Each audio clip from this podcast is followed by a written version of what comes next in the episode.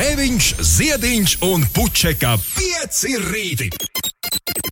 Eterā katru dienu starp 6 un 9. Lai teiktu mums visiem, labrīt! Labrīt! Pats nedēļas vidus. Un es nezinu, kā jums, bet man pilnīgi. Uh, jā, cita švunka celties augšā, saprotot, ka vēl tikai šis rīts, rītrīts, parītrīts, un tad četras, četras dienas un četrus rītus absolūts retrīts. Kā tagad moderni anglicismiem mētājoties ļaudis saka. Labrīt, trešdienā, 28. aprīlī, tiešraidē no garāžas studijas. Vēl viena diena radio vilnī sākusies. Vēl viena diena sākusies arī uz planētas Zeme. Ir 2021. gads, ir trešdiena, 28. aprīlis. Terēzai un Gundegai ir vārda diena. Terēzē! Kad Terēze saka, uhu! Gundegā! Un Gundega saka, wī! Sveiciens, protams, arī visiem, kuriem šodien ir dzimšanas dienas. Uz Mērķeļa ielas, ar ko mēs sākam rītu, šausmas Sandis ziņo, uz Mērķeļa ielas deg māja un satiksme ir bloķēta. Kurš aizdedzināja māju? Iveta no ērgļiem arī ziņo, ka centrs ir ļoti lēns šorīt. Daudz ugunsdzēsēju, trolēļbusu un autobusu sastrēgums. Oh, uzreiz šitā jautri rītiņš mums sākas. Uh, kuram vēl kaut kas zināms, kas tur notiek? 293, 202, 293, 202, padodiet uh, droši ziņu. Es tikmēr uh, iekurbulēšu plašu atskaņotāju ar, ar dziesmu, kuras izraku no muzikālās nekurienes. Tāda ir mūsu profesija. Mums ik pa laikam dziesmas jāiz, jāizvelk no tumsas, lai tās nonāktu gaismā. Bet uh, šis ir kaut kas absolūti brīnišķīgs. Angļu ansamblis, kur uh, priekšgalā ir dāma, kuru sauc Sāra Midori Perija, jeb Sāra Bonito. Viņa ir pa pusē angļu dāma, pa pusē japāņu dāma, un viņai ir ansamblis Kero Kero Bonito. Šis ir well rested. Es ceru, ka jūs visi esat well rested pa nakti. Ja?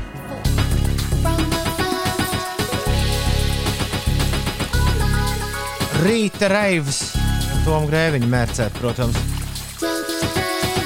Kero Kero Bonito, well rested. Manuprāt, absolūti varani. 8 minūtes pāri pusdienas sešiem. Labrīt, Inesē!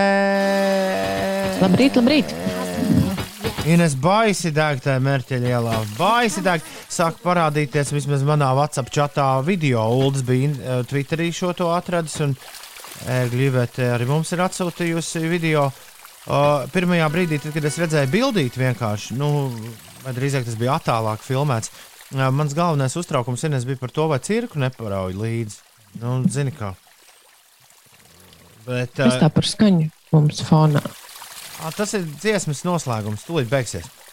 Tur kaut noslēgums. Man jau likās, ka tev plūdi notiek tavā garāžā. Nē, tur bija kaut kāds japāņu strautiņš vienkārši. Beigās skanēja disko dziesmai galā. Uh, jā, bet ir izstāsta, ka baisi deg, baisi deg. Tā ir dzīvojama māja. Jo tur ir Uh, jā, viesnīcas nu. daudz, man, man šķiet, tajā, tajā vietā. Jā, Apakšā. paldies! Ivetai no ērgļiem, kas mums šorīt ir mūsu uh, reportieris. Viņa ir braukusi garām uh, sabiedriskajā transportā šai te vietai, un arī valsts ugunsdzēsības un glābšanas dienests ir uh, tvītojuši, ka aptuveni pulksten 4.43 bija saņemts izsaukums uz Merķeļa ielu Rīgā, kur dega sešstāvu ēkas, augšējā stāva dzīvoklis un jumts, un tur platība tiek uh, vēl noskaidrota, bet notiek cilvēku glābšanas darbi un tiek piesaistīti arī papildus spēki un arī citi operatīvie dienesti. Bet šobrīd nodzēsts nav. 4,43 konstatēts, 6,10 joprojām tur tad, tad ir dzīva uguns. Tā, un tā ir māja, labrīt, māja cirka Labrīt. pusē, ja var pareizi saprast, vai ne? Tā ir māja, Māja. cirka pusē, mā, viena māja līdz cirkam. Nu, tā vismaz izskatās Ivetas safilmētajā, ko mēs redzam. Tā kā starp šo māju, kas deg un cirku, ir viena māja pa vidu. Vai arī nav, vai arī uzreiz. Nu, jā, tas ir, tas ir labs jautājums. Jā, jo, Bet, bet cirkam pie ieejas ir publicēts projekts, kā tur izskatīsies, un to jau viss raus nostur. re, kur viņi raksta, ja līdz cirkam es, ir pa vidu. Nē, Nu, labi. Cirkus tur, ui, tur būs pilnīgi viss jauns kvartāls. Okay. Nu, tur tāds projekts stāv uz vārtiem uzlīmēts.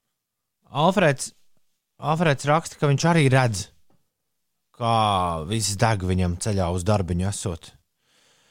Labrīt, Alfred. Jā. Nu, uguns drošība, uguns drošība. Gan jau vēlāk uzzināsim, kas pie vainas, bet ļoti ceru, ka visiem cilvēkiem, kas tur dzīvo, ir viss kārtībā un viss tiek izglābti. Un Bez... Reiķinieties ar satiksmi nu, vēl kādu laiku vēl kādu labu laiciņu. Jā. Ne, nu, es domāju, ka tie, kuriem jārēķinās, tie tieši šobrīd arī rēķinās. Visi tie, kuriem būs ar to jārēķinās pusastoņos no rīta, viņi vēl čuči. Vai situācija līdz pusastoņiem nebūs kaut kā mainījusies, redzēsim. Ievērt šobrīd raksta, ka autobusi tiekot ļoti labi no, novirzīti. Uh, nu, cerē, cerē, cerēsim, ka varbūt līdz uh, sāksies rīta gaitas lielākajai daļai pilsētas. Šis tas būs savests kārtībā. Ir 12 minūtes pāri pusdien sešiem. Labrīt! Grēviņš, Ziediņš un Puķeka visi ir satikušies šajā rītā, lai klausītos šo dziesmu.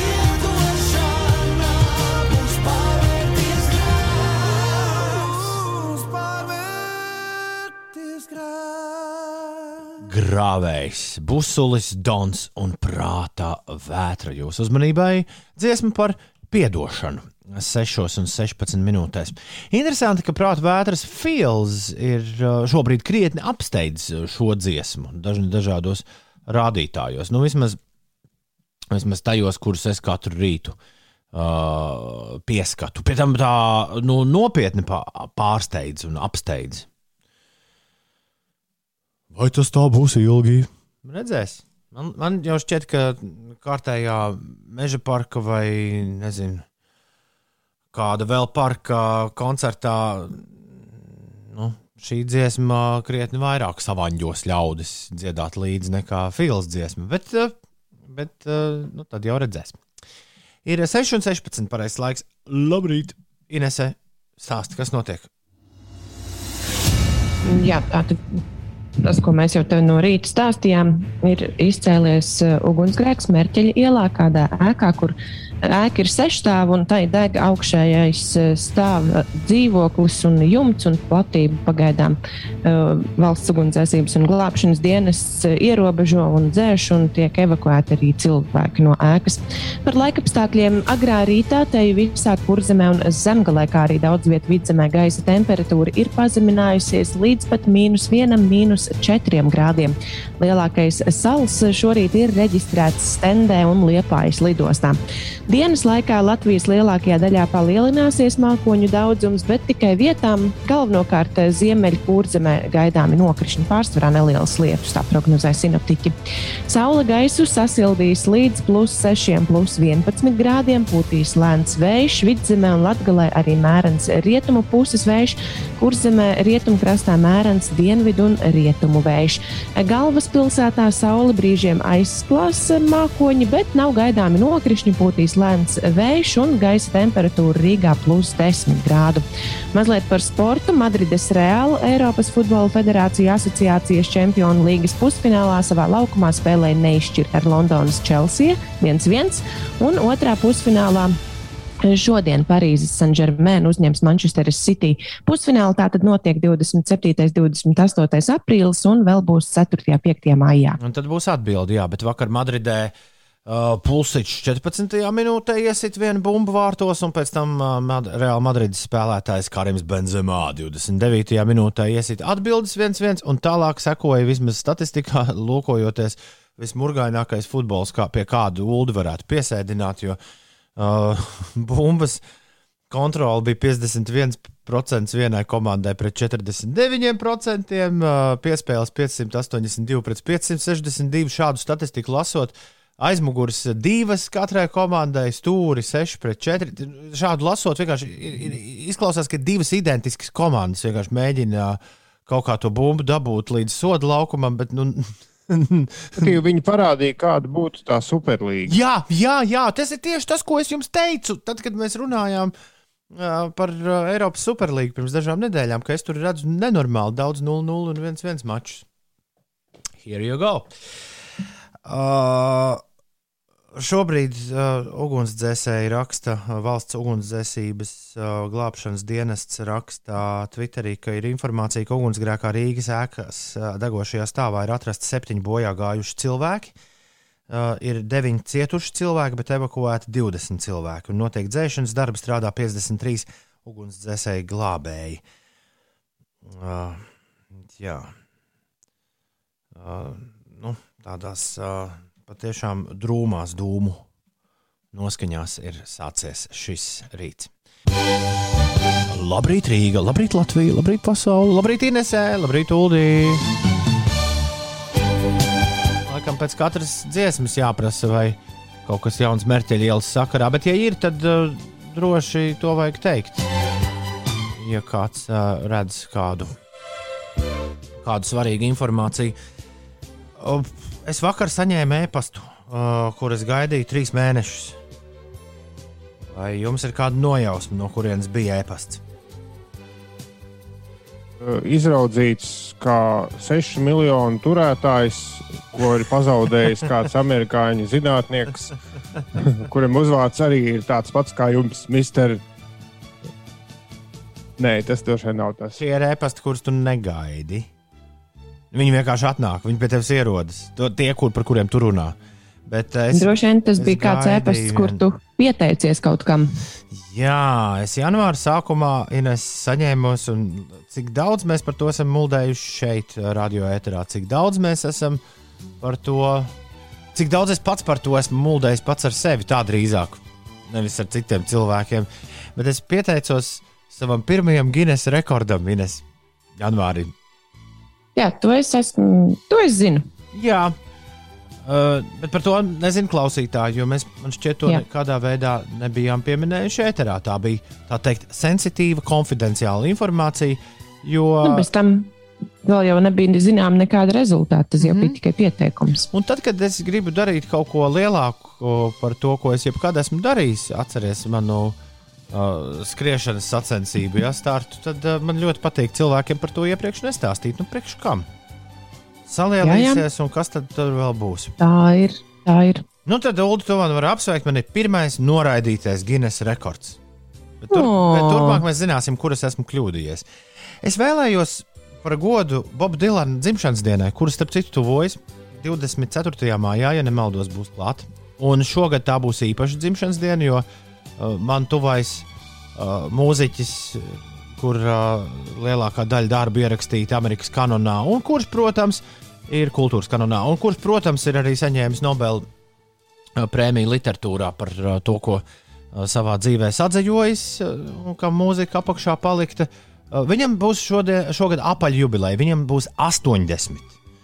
Uh, Mūzikas prese, blogi un visi pārējie iesaistītie vēl pagūs sajukt prātā. Tas notiks 24. maijā.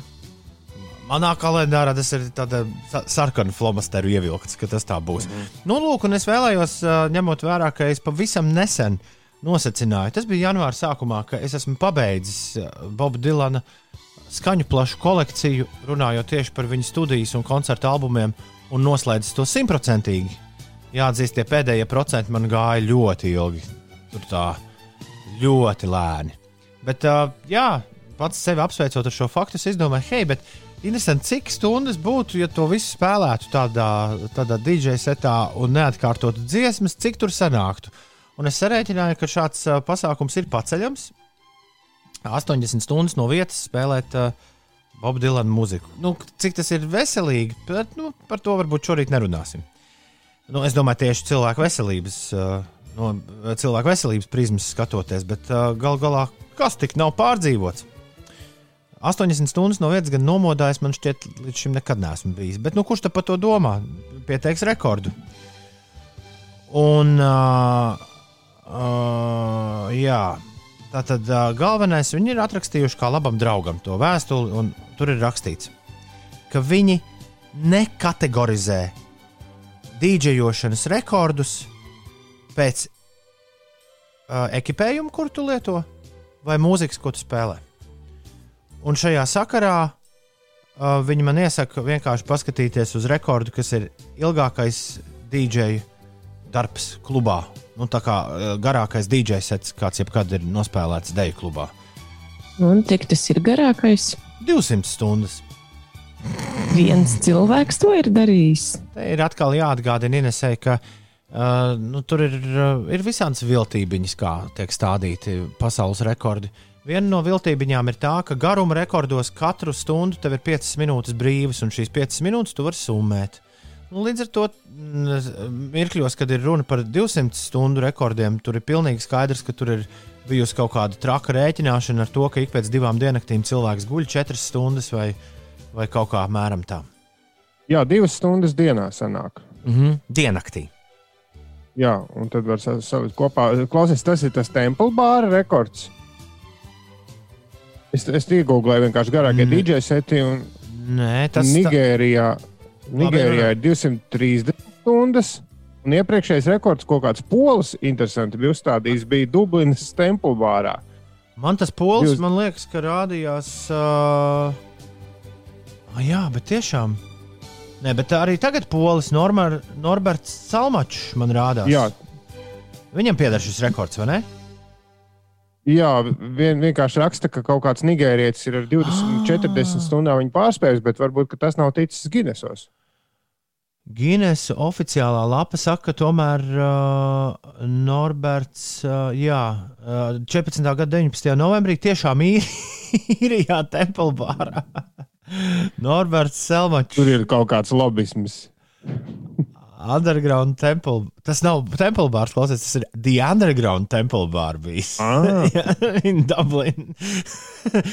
no 19. līdz 27. novembrim bija bijis disko. Bet vispār kaut kāda loģika tajā ir, ja tos rekordus liek par, par cilvēka spējām, nu, par to, ka tu pārvari kaut kādus cilvēciskās robežas. Tad ir liels jautājums, vai, vai cilvēks kādas robežas pārvar tā Dilana klausīšanās. Run, jā, nu, ka viņi, viņi dod, nē, nu, varbūt ka kādam, bet tas tev būtu jāmēģina paskaidrot, ka tas nav tik vienkārši noklausīties. Bet to es- tas- to es- Varbūt, Uldi, varbūt to man Uldi. būtu jāliek ka Jā. tā Boba Dilana mūzika tiem cilvēkiem, kuram nepatīk galīgi Bobs Dilans. Uldi, 85. eh, Nu, bet, jebkurā gadījumā, tad, tad, nu, tas, ko viņi saka, ka viņi nekategorizē dīdžejošanas rekordus pēc mūzikas, kas tiek atskaņota, kas nozīmē, ka tur Bobs Dilans nu, nedara. Nu, jā, nē, nu, veidā? Respektīvi, viņi dod rekordu par to, ka cilvēks pārvar kaut kādu cilvēku spēju pabeigšu kārtēju. Pamēģini paklausīties mūziku, kas tev Nu, nepatīk. jā, tu 80 varētu mēģināt stundas. viņiem ieskaidrot, ka fiziski eh, grūti ir. Jā. Antifanu koncerts. Nē, nu, te, citādi tiešām sanāk, ka jebkura vienalga kāda mūzika spēlē, galvenais ir cik ilgi tas DJs pie, pie pogām. jā. Nē, nē, nu, tagad šo mēs vismaz es. Es esmu 5 eiro iztērējis liederīgi, lai uzzinātu to, ka šādi tas ir. Jo, jo tad, kad tu pats rocies cauri, ir ļoti grūti šādas lietas saprast. Tagad ir jautājums, vai tu to tomēr darīsi? Nē, protams, ka es to nedarīšu. Jo Bet atšķirībā- kāpēc? Tad tas viss no bija tikai tāpēc, ka tu gribēji rekordu.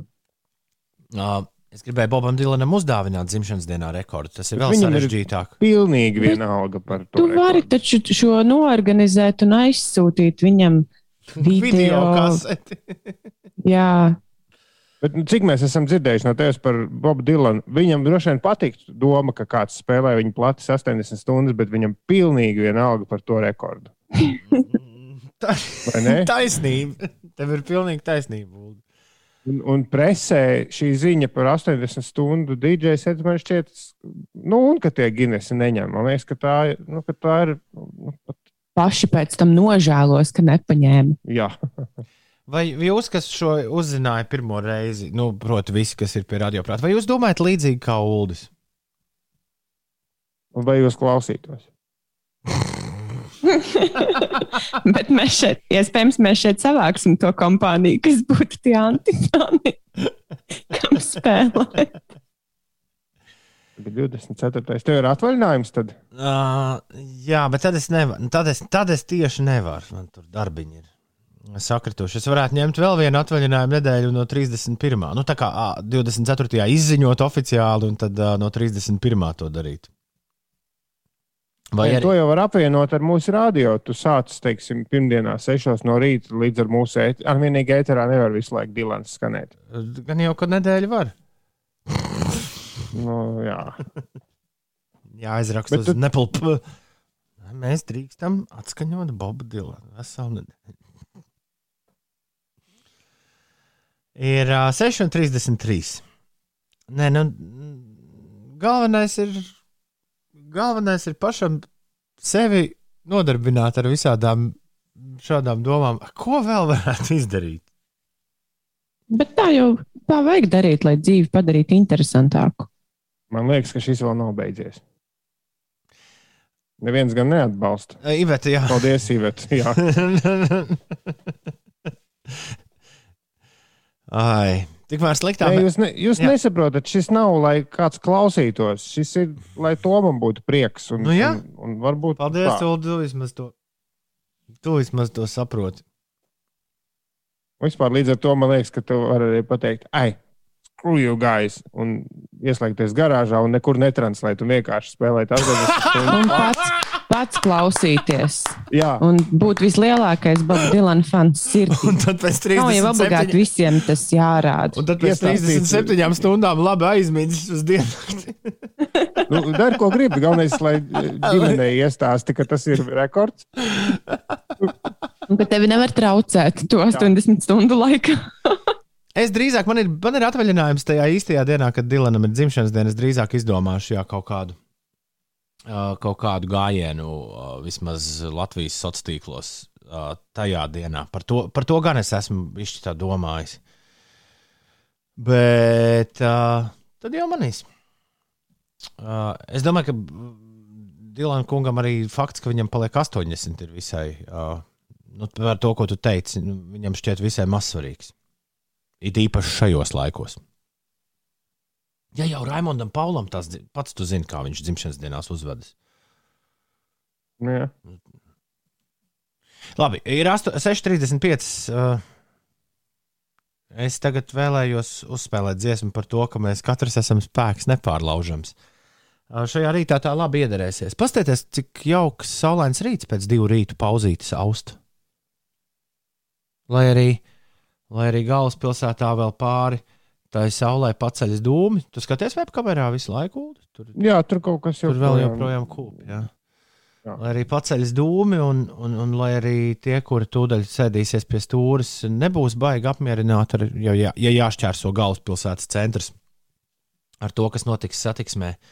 Tomēr mēs visi joprojām esam kopā, un tas ir svarīgākais. Varbūt pateiksim, ka ugunsdzēsēji tikko arī ir ietvītojuši, ka Merķeļa ielā no Čaka līdz Barona ielai ir slēgta satiksme. Jā, tas oficiāli.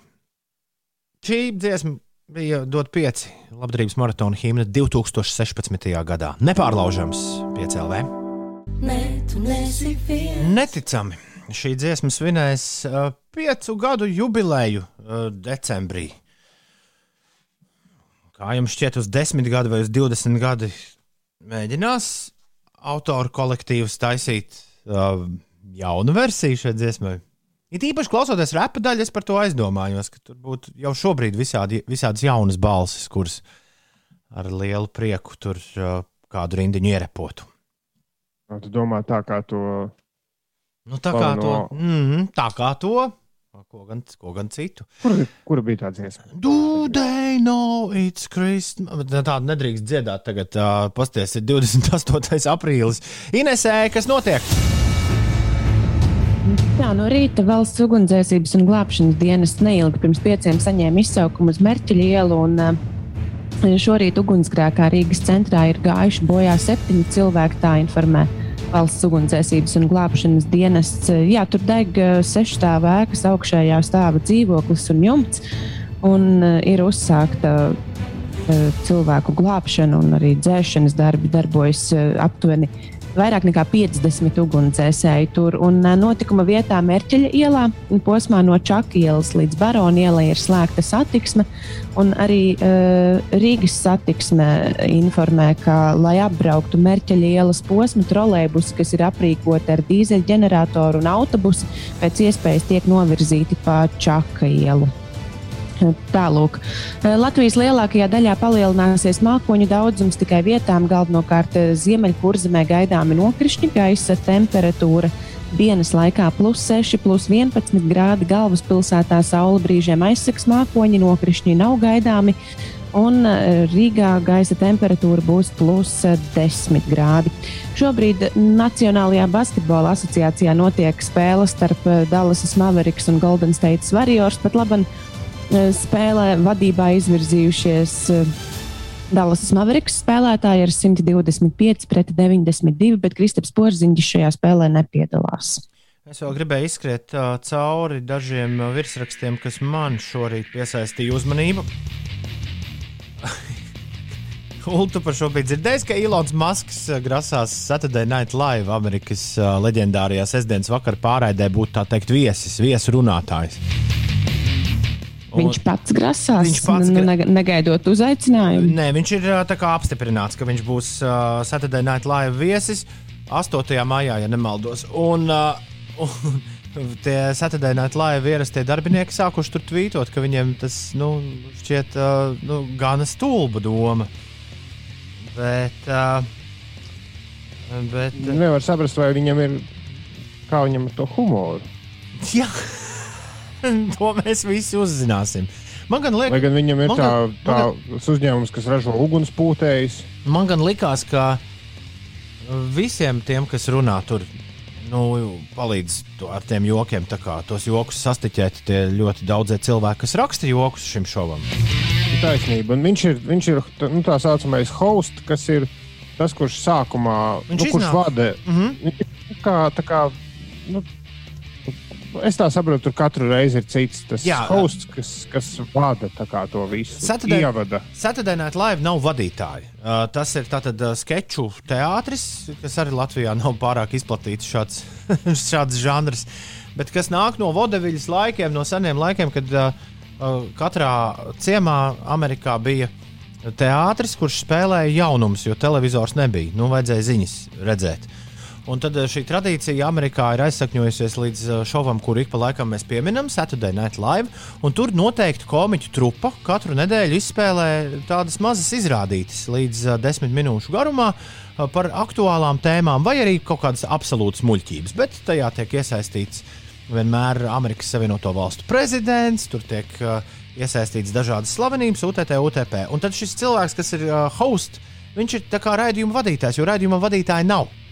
Viņš ir ra- raidījuma vadītājs. Viņš iznāk pašā sākumā, viņš iznāk arī beigās un pasaka visiem paldies. Bet uh, pats svarīgākais, ka viņam uz šo vienu reizi ir iespēja piedalīties šajās mazajās izrādītēs un kopā ar to aktieru trupu, kas tur uh, darbojas, arī ņemties. Un tāpēc uh, katru reizi šis raidījums ir unikāls ar to, ka tie viesi, kas, nu, tas viesis, kas tur ir katru reizi, iedod savādāku garšiņu. Es savulaik esmu šo raidījumu skatījies ļoti cītīgi. Nu, tā kā uh, patiešām svētdienas, uh, pēc Latvijas laika sanāk svētdienas vakarā, vienmēr uzliekot un to paskatoties, bet, bet tas prasa laiku, jo man liekas, viens raidījums ir gandrīz pusotru stundu garš. Uh, tad, kad izgriež reklāmas ārā. Tā, vēl es uzzināju, Ines, ka būs koncerts par godu vakcīnām Amerikā. Vax Live Losandželosā notiks arī tuvākajā laikā. Jennifer Lopez. Koncerta laikā cilvēkus vakcinās. Nē, Amerikā esot vajadzība pēc bezmaksas vakcīnām, kuras nevar valsts sponsorēt, un tad cilvēki paši, nu, tā līdz, nu, liela labdarības valsts, cilvēkiem ir bijuši jāsamet. Uh, es, ne, es īsti nesapratu kontekstu, nav svarīgi. Svarīgi, ka būs Jennifer Lopez, Foo Fighters. No Pearl Jam, Edijs Veders, un vēl man patīk, ka uh, Lainapā ir arī Franč, Francijas prezidents Emmanuels Makrons un Kanādas premjerministrs Justins Trudeau. Man liekas, ļoti Viņi arī dziedās. Man liekas, Jāstra kompānija. Jāstra kompānija. Harijs un Megan arī būšot. Jā, pareizi. Lukašenko žurnālistiem esot pastāstījis, kas vakar vakarā, ka sazvērnieki esot izstrādājuši trīs viņa nogalināšanas scenārijus. Viņš domā, ka viņam pēc tam, ja, ja tas piepildīsies, ka viņam pēc tam būs iespēja teikt, Hu, es jums teicu, es taču teicu, ka tā būs. uh, À, tas vaks laiva vāks naudu uh, uzņēmumam, nu, labdarības pasākumam Kovaks, kas, kas citām valstīm ar zemu ienākumu līmeni gādās vakcīnas. Paldies, ka tu to paskaidroji. Klauni nopietni runājot, vakar vakarā, ja kāds to palaidis garām, šobrīd plānojot kaut kādus māja barbekju un, un, un, un, un, un visādas tikšanās, ja tu neesi izslimojis Covid un ja tev nav, ja tu neesi vēl saņēmis vakcīnu, es tavā vietā. Un izslimojis Covid, es teiktu, iepriekšējo pēdējo trīs mēnešu laikā. Es tavā vietā krietni padomātu pirms tam uh, svinībām un, un kaut kādas kopā nākšanas ar citiem ļaudīm, jo šobrīd Latvijā aug Covid-19. Ne tikai saslimstošo cilvēku skaits, bet arī pacientu skaits slimnīcās, un smagākā situācija šobrīd ir Bauskā. Un uh, vakar valdība ir lēmusi, ka no 3. māja jebkurš cilvēks, mana vakcīna LV, varēs pieteikties un izvēlēties kalendārā vietu savā, uh, savai vakcinācijai. Sākotnēji visu sabiedrības locekļu vakcināciju pret covid bez prioritāro grupu dalījumu bija plānots sākt nevēlāk kā 10. maijā, tomēr diskusijās valdība vakar ir nolēmusi, ka šādu soli varētu spērt ātrāk. Tad, tad tas nozīmē, ka no 3. māja ik viens rindas kārtībā var tikt pie vakcīnas. Un tā kā es vēl lasīju, cik viņi tur ir plānojuši tās vakcīnas uh, izdalīt, nu, visai drīz, ja mēs būsim tādi aktīvi, vakcinēties griboši, visai drīz tam procentam, cik mēs būsim savakcinēti. Nu, es jau tur rēķināju, ka varbūt tas Roskildes festivāls kādam vēl nospīd. Tas tā. Jā, Vadeks tikmēr ir atrakstījis. Jā, Vadeks ir, atra... Vadeks ir nu, bijis tas cilvēks. Nu, vienmēr ir kāds tas, kurš aizrāda. Jūs zināt, ka īstenībā ir tā un tā un tā. Viņš ir uzrakstījis. Vai tiešām Merķeļa iela krustojas ar Čaku ielu? Čaka iela sākas no Blaumaņa avota ielas krustojuma un līdz Pērnavas ielai. Nu, taisnība, tur sākumā ir Marijas iela, bet vai tiešām kāds nesaprata? Bet vienmēr ir kāds, kurš saka, actually. ni, ni, ni, ni, ni." Paldies, Vadek, par norādi. Jā, ugunsdzēsēji ir rakstījuši, ka no Čakielas, un visi saprata, ko viņi ar to ir domājuši. Bet, ja kāds nesaprata, tad no Marijas ielas līdz Barona ielai ir slēgts Merķeļa ielas posms. Un vispār Čakmarijas iela ir kaut kāda tur tā, tā ielas nosaukuma maiņa, jo numuri jau nemainās. Mm. Sākumā Es kādreiz dzīvoju Marijas ielā, un kādreiz dzīvoju, ah, es, es esmu divreiz dzīvojis Marijas ielā, un pēdējā reize bija ļoti tuvu avotu ielai. un Tad, man, tad es tikai uzzināju, ka ir Marijas ielas numuri iet līdz tam, un Čaka iela nesākas no viens. Viņi, nu, tur, Man Tā nagi niez izmēģināt jauno Čakmarijas veloceliņu. Uh, Es kaut kā nevaru noticēt, ka tas, piemēram, braucienu uz Latvijas televīziju man varētu padarīt ātrāku no jau no. Čiekuru kalna.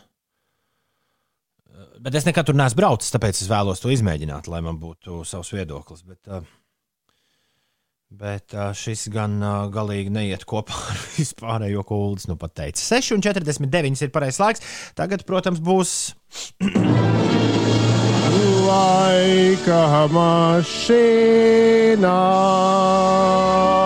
Visiem tiem, kas nav bijuši augšā tik agri vai nav klausījušies mūsu podkāstā šajā nedēļā, uh, nav zināms, ka Inesai šī ir mega laika mašīnas nedēļa. Ines šobrīd ir izpogojusi ULD 2.0 tikai šīs nedēļas konkurencē. Ines uz priekšu, es zinu, tu vari, es zinu, tu vari arī dabūt 3.0 šodien. Nu, nezinu, man ir gan mazliet šaubas mācīt. Jāsāk kājiņas trīcēt. Nevajag, nevajag. Ne, nevajag par agru teikt, hop. Šodien laika mašīnā jums ir jāidentificē slavens dziedonis, kur viena no foršākajām dziesmām. Un arī populārākajām, starp citu, pasaules mūzikas eh, vēstures kontekstā ir šī.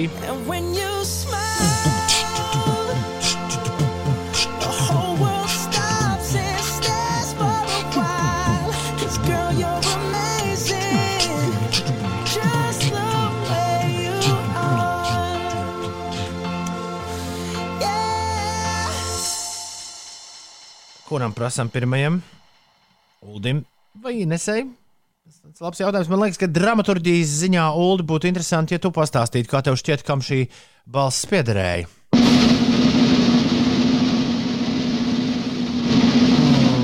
Mm. Pat tā baigi neklausījos. Man liekas, jo es sapratu, ka es nezinu šo. Nezinu, Bruno Mars. Vai arī tas. Ne, ne, tagad pateiks, es zināšu, nu jā, skaidrs, protams. Bet nezinu. Tu gribi teikt, ka tu nezināji nemaz? Nē. Tas bija Ines kas? Nu, es ceru, ka es nekļūdos, bet man liekas, ka tas bija Bruno Mars. Ines, tu turpini savu uh, lielisko startu šajā nedēļā. Bet es teicu, Jā. Bruno Mars. Nu, tas nekas, Ulu, bet Ines ir trīs, trīs no trīs izšāvusi. Pat ja tu vienu esi dabūjis apakaļ. Bet es uzminēju, pilnīgi godīgi. Tas bija Bruno Mars ar Just the Way You Are. Man jau likās, ka nu, vēl tā Superbola Bruno Mars performance netik tālā atmiņā jums abiem būs. Uh, tā, un uh, pie leduskapja, protams, tā mēmais tūkstotis no klausītājiem dodas. Uh, dodas uh, birzgalietis, dodas dzintars, dodas ogotājs, dodas sensīts dainis, gačā, šodien arī Armāns, uh, zaļā vārna, Aigars, Aldis, dzintars. Bruno, Tomo, Bauskas Lācis. Bruno pats piedalījās. Zembe ir Bruno Mars par Bruno Marsiņu nosaukusi. Vai, nu tā vajadzēja? Desta, Pacančiks, Ieva, Zane, Ingvars un sliktā meitene. Visi trāpījuši, un Kristaps, jā, visi trāpījuši pareizi. Visi var pieiet pie leduskapja, pēc kaut ko ekstra garšīgu, kā vienmēr. Tā ir vienīgā balva, kur sabiedriskajā mēdījā mēs jums varam pasniegt pirms pusdienas septiņiem no rīta. Šo atļauju tā darīt. Un Ingvars prasa, vai pa nakti ir bijuši mīnus. Mīnus bija ne tikai pa nakti, bet arī, kad es nācu uz garāžu studiju, bija mīnus, mīnus viens. Es noskurinājos to ieraugot telefonā un sapratu, ka jāvelk džempers, jo savādāk manās rokās visi ziedi sasals. Virsgalietim mašīna bija aizsalusi, knapi durvis atrāva vaļā, tā viņš mums raksta. Bet tagad gan saule caur logiem silda. Es neteiktu, ka kaut kas diži silda, bet nav arī. Nu, Nē, arī ar visu šo augstumu, kas pēkšņi uznāca, nesmu slēdzis iekšā garāžas studijā šo elektrisko sildītāju jau labu laiciņu, jau vairākas nedēļas. Jūs Nobīdīs, esat ievērojuši, nobīdīs tas malā. Nu, šorīt var, var pārciest to augstumu. Ko, ka, kas mums bija jāievēro? ja saule spīd caur logu, tev tiešā trāpījumā, mm Mhm. -hmm. tad ir silti. Bet jūs esat ievērojuši, cik ļoti eh, koncentrēts siltums ir no saules, kas atspīd, teiksim, ejot pa ielu, tev atspīd no pretējās mājas logiem. Ir īpaši, ja ir kaut kāda modernā būva, kur ir tie stikla sienas. Un tev atspīd saule, un tur ir nu, burtiski tāds kā karstums jūtams no tā saules stara, ja viņš ir tā kā atsitienā. Jā, Tas Man, man, piemēram, ir ideja, man pretī ir mājas siena, kura šobrīd ir absolūti simtprocentīgi saules apspīdēta. Ja tur to varētu tad spogu- noklāt ar spoguļiem Jā, un aizdedzināt savu dzīvokli. jā, paldies. Man stāstīja, īpaši labi. tas tu, tu man atgādināji par uh, to, ka man uh, pastāstīja mana skriešanas kluba biedrene, jā, uh, viena, uh, ka ļoti interesantu stāstu, ka Norvēģijā ir pilsēta, kurā nekad, dēļ tā, ka viņi atrodas pie kalna, nekad ne, neiespīd saule. Un viņi ir uzlikuši speciālus gigantiskus spoguļus. Bet viņi teica, ka ar visu to uh, šajā pilsētā, tad, kad tā saule tur tiek iemānīta iekšā, uh, nu, tā tad uh, mākslīgi, pie visa tā tur esot ļoti spocīga sajūta. Tad, kad tas notiek. Jā, re, kur ir Rjukana pilsēta. Es mēģinu atrast to spoguļu bildi. Tagad, jā, tiešām tas, jo tas spogulis neapgaismo visu pilsētu. Viņš tāds gaismas pleķus veido. Tu tur nekad neesi bijusi Ines, savos Norvēģijas ceļojumos. Nē, nē, esmu gan.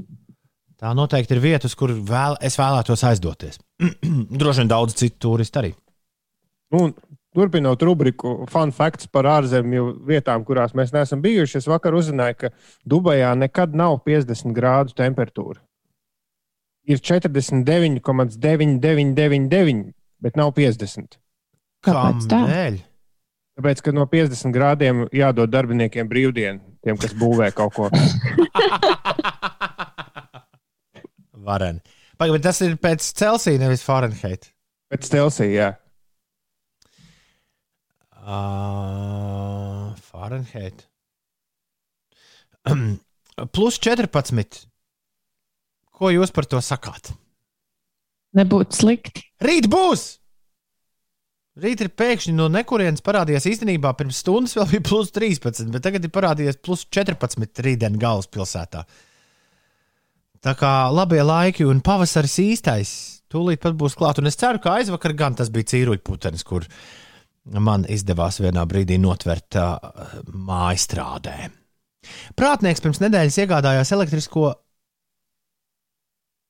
Skrējēji. tā viņu sauc stāvdrāzis. Tas tiešām ir Jā. tā Latvijas Tā bija latviskā grāzies. versija. lieliski. Raidieraksti. Stāvrāde, straudrāze, tālrāde. Tik ērts aparāts, ne sastrēgumi, nekā. Prātnieki tikai uzmanīgi, ja es ceru, tev ir ķivere. Labrīt! Vakardienas atziņas. Ar SMS ir kā ar vēstuli tajā jokā, kad māte dēlam sūta vēstuli, bet aizmirs ielikt naudu, raksta diplomāts. Nevar uzrakstīt, ka gandrīz uzrakstīja to un to, bet nomira baterija. Jā, diplomāti ar izziņām tā mēdz gadīties.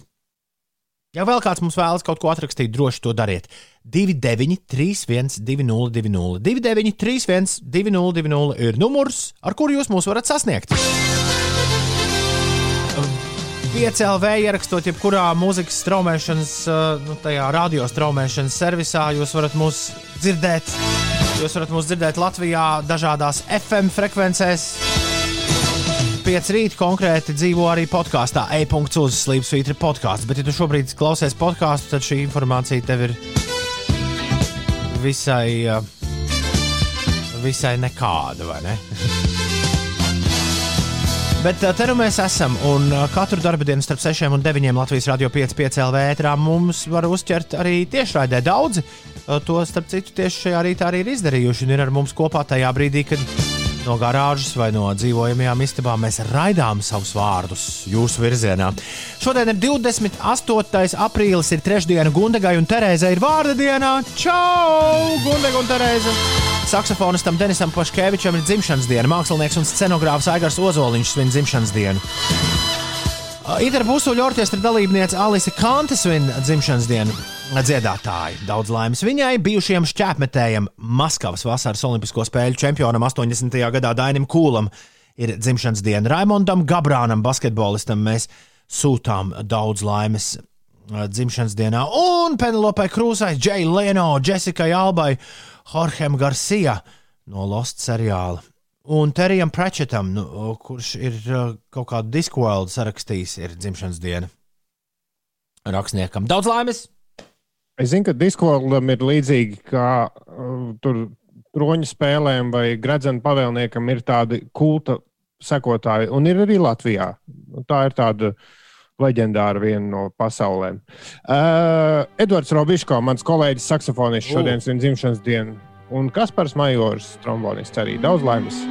Daudz laimes, daudz saules, maz dūmu un nulles sastrēgumu. Es Ulim viņa rīt uh, uh, teicu, ka man atnāca apskaidrība. Es par to nebiju iedomājies, bet uh, kopš novembra es uh, strādāju režīmā, kurā es neredzu, kurā brīdī sāks dziedāt mūziķi. Un, ja es dziesmu vēl neesmu iemācījies no galvas, kā tas bija Jungle gadījumā, tad sanāk, ka dažreiz, kad mūziķis sāk dziedāt, vienkārši tad ir kaut kā jāaiziet no situācijas. Tie visi bija vēlējumi, kurus es vēlēju Jungle sākumā par to, ka, uh, lai nav šodien sastrēgumu, lai maz dūmu, bet sirdī uguns. Šajā saulainajā dienā es ceru, ka ar to uguni viss būs kārtībā. Uh, sirdī. Sirdī, tikai sirdī. 7,16 ir pareizais laiks. Šis ir brīnišķīgais jaunais jungle singls, kurš sauc Keep Moving, kur mēs dzirdējām. Labrīt, vakar sapratu, ka varēšu celties 30 minūtes vēlāk nekā parasti raksta Linda. Un šorīt pamodos tās pašas 30 minūtes pirms modinātāja. Nu kāpēc? Kāds jums ir bijis nesaprotamākais vai dīvainākais rīts, brīdis? Mm, tāda ir katru rītu. Nu, tādi nesaprotamie rīta momenti. Jā, tā kā pamosties pirms pieciem, tad ir grūti saprast, Bet es- tas ir. Es pēdējā laikā, kaut kādas pēdējās nedēļas laikā, vienmēr ap trījiem pamostos. Nu, tā aizskrien, ūdeni padzerties un atkal atpakaļ miegā. Kāpēc tas tā ir? Nezinu, bet zinu, ka pāries Linda. Nu, kaut kad tā vairs nebūs. Uh, sveic, Pilnmēnesis. Ča, ča, no Čaka Naurisa uh, sveiciens uh, Ugosam. Viņam šodien nav dzimšanas diena. Labrīt no Jālgavas labākā iedzīvotāja. Tā arī nosauc Ulu viņu izziņu mašīnā. Viņš prasa, vai kaut kas ir zināms par ugunsgrēku Rīgas hostelī. Viss, kas ir zināms par ugunsgrēku Rīgas hostelī, mēs to atkārtojam, uh, cik nu vien, uh, cik nu vien spēka, kas būtu nu, tāds ziņu virsraksts, ko tu teiktu, nu, kas ir obligāti jāzina. Tas, ka Mērķeļa iela no, no uh, Marijas ielas ir uh, līdz uh, Baronīlai slēgta, vai ne? Nu, tas tā ir šķiet svarīgākā ziņa, kas šobrīd jāzina visiem galvaspilsētas iedzīvotājiem. Jā, nu, tur ir nu, jau astoņi bojā gājušie, bet, protams, dzēšanas darbi tur turpinās, un, un, un satiksme šajā ielas posmā ir bloķēta. Mēs, Un sabiedriskais transports tiek novirzīts pa tuvākajām ielām. jā, bet mēs uzmanīgi sekojam līdzi, kas tur notiek jau kopš pulksten sešiem, un turpināsim, protams, arī to darīt. Šobrīd ir 7,18 minūtes. Labrīt! Laiks vienai pīlai! Jā, tad, kad es saslimu ar uh, covid un pārvācos dzīvot uz viesnīcu, tad, uh, protams, ik viens cilvēks, kurš ar mani ir kaut kādā ikdienas kontaktā, teica, ja tev vajag kādu palīdzību, dod ziņu. Un, un šī bija tā reize, kad es arī devu ziņu, un uh, Ulas šķiet, Ines bija vislielākais palīgs manā, manā viesnīcas laikā, jo viņš izpalīdzēja divreiz ļoti būtiski. Un vienā no šīm reizēm Ulas man visu kaut ko nopirka veikalā. Tā, tas bija 1. Mm -hmm. aprīlī, tad, kad es atceros, tev bija jāsteidzas uz īpašo piecu rītu raidījumu. Jā, jā, kurš bija nezinu, kāpēc pēcpusdienā. Uh, nu, nu, lūk, uh, es atklāju pirmo tējas paciņu no visām paciņām, kuras tu man atvedi. Jo tā gadījās, ka tieši tajā brīdī, kad Ulas man bija atvedis tēju, man doktora aizliedza to dzert. Tā tā, uh, tā, tā man uh, ieradās pie manas mājās un, uh, un gaidīja, kad es būšu izdzēris savas tējas, lai varētu sākt klausies. dzert. Nu, Tur bija arī bērns sulu bundulis. Un, tas arī stāv. es- Ta, tas stāv arī ne, Vispār- neaizskatīt. To uzmanīgi, jo man viens stipri svaigāka lējuma bērnu sulu bundulis bija nu, tā piepa, piepūties, ka draudēja uzsprāgt. Viņš tur rūkst. Ah. Īpaši, ja nav Bet, augstumā. bet, bet es tev visu laiku gribēju to pajautāt, vai to dzert vēl būtu prātīgi? Es atzīšos, ka es bērns, es, es, es atzīšos, ka es vienu gandrīz pilnu izlaižu ārā, jo es negribēju ņemties tur ar tām visām. Tad Tur jau to pagrabā. upeņu zariņu liek iekšā un jā, glabā pagrabā vai, man liekas, saldētavā. Bet man tā garša ir tik ļoti specifiska, kad viņas ir ierūgušas. Es dzeru tikai svaigas, man tomēr negaršo tās ieskābušās. Uldis varētu taisīt no ieskāpušām bērnu sulām. Uldis ziediņa īpašo kombuču, un neviens nekādu, nekādu atšķirību nejust. Jūs esat pamanījuši, ka ir sākusies kaut kāda kombučas modes? Uh, Tas jau ir Eksplozija. labu laiku. bet šo, ma- Tas man, nav tikai tagad. man, man Instagramā ir tā, ka.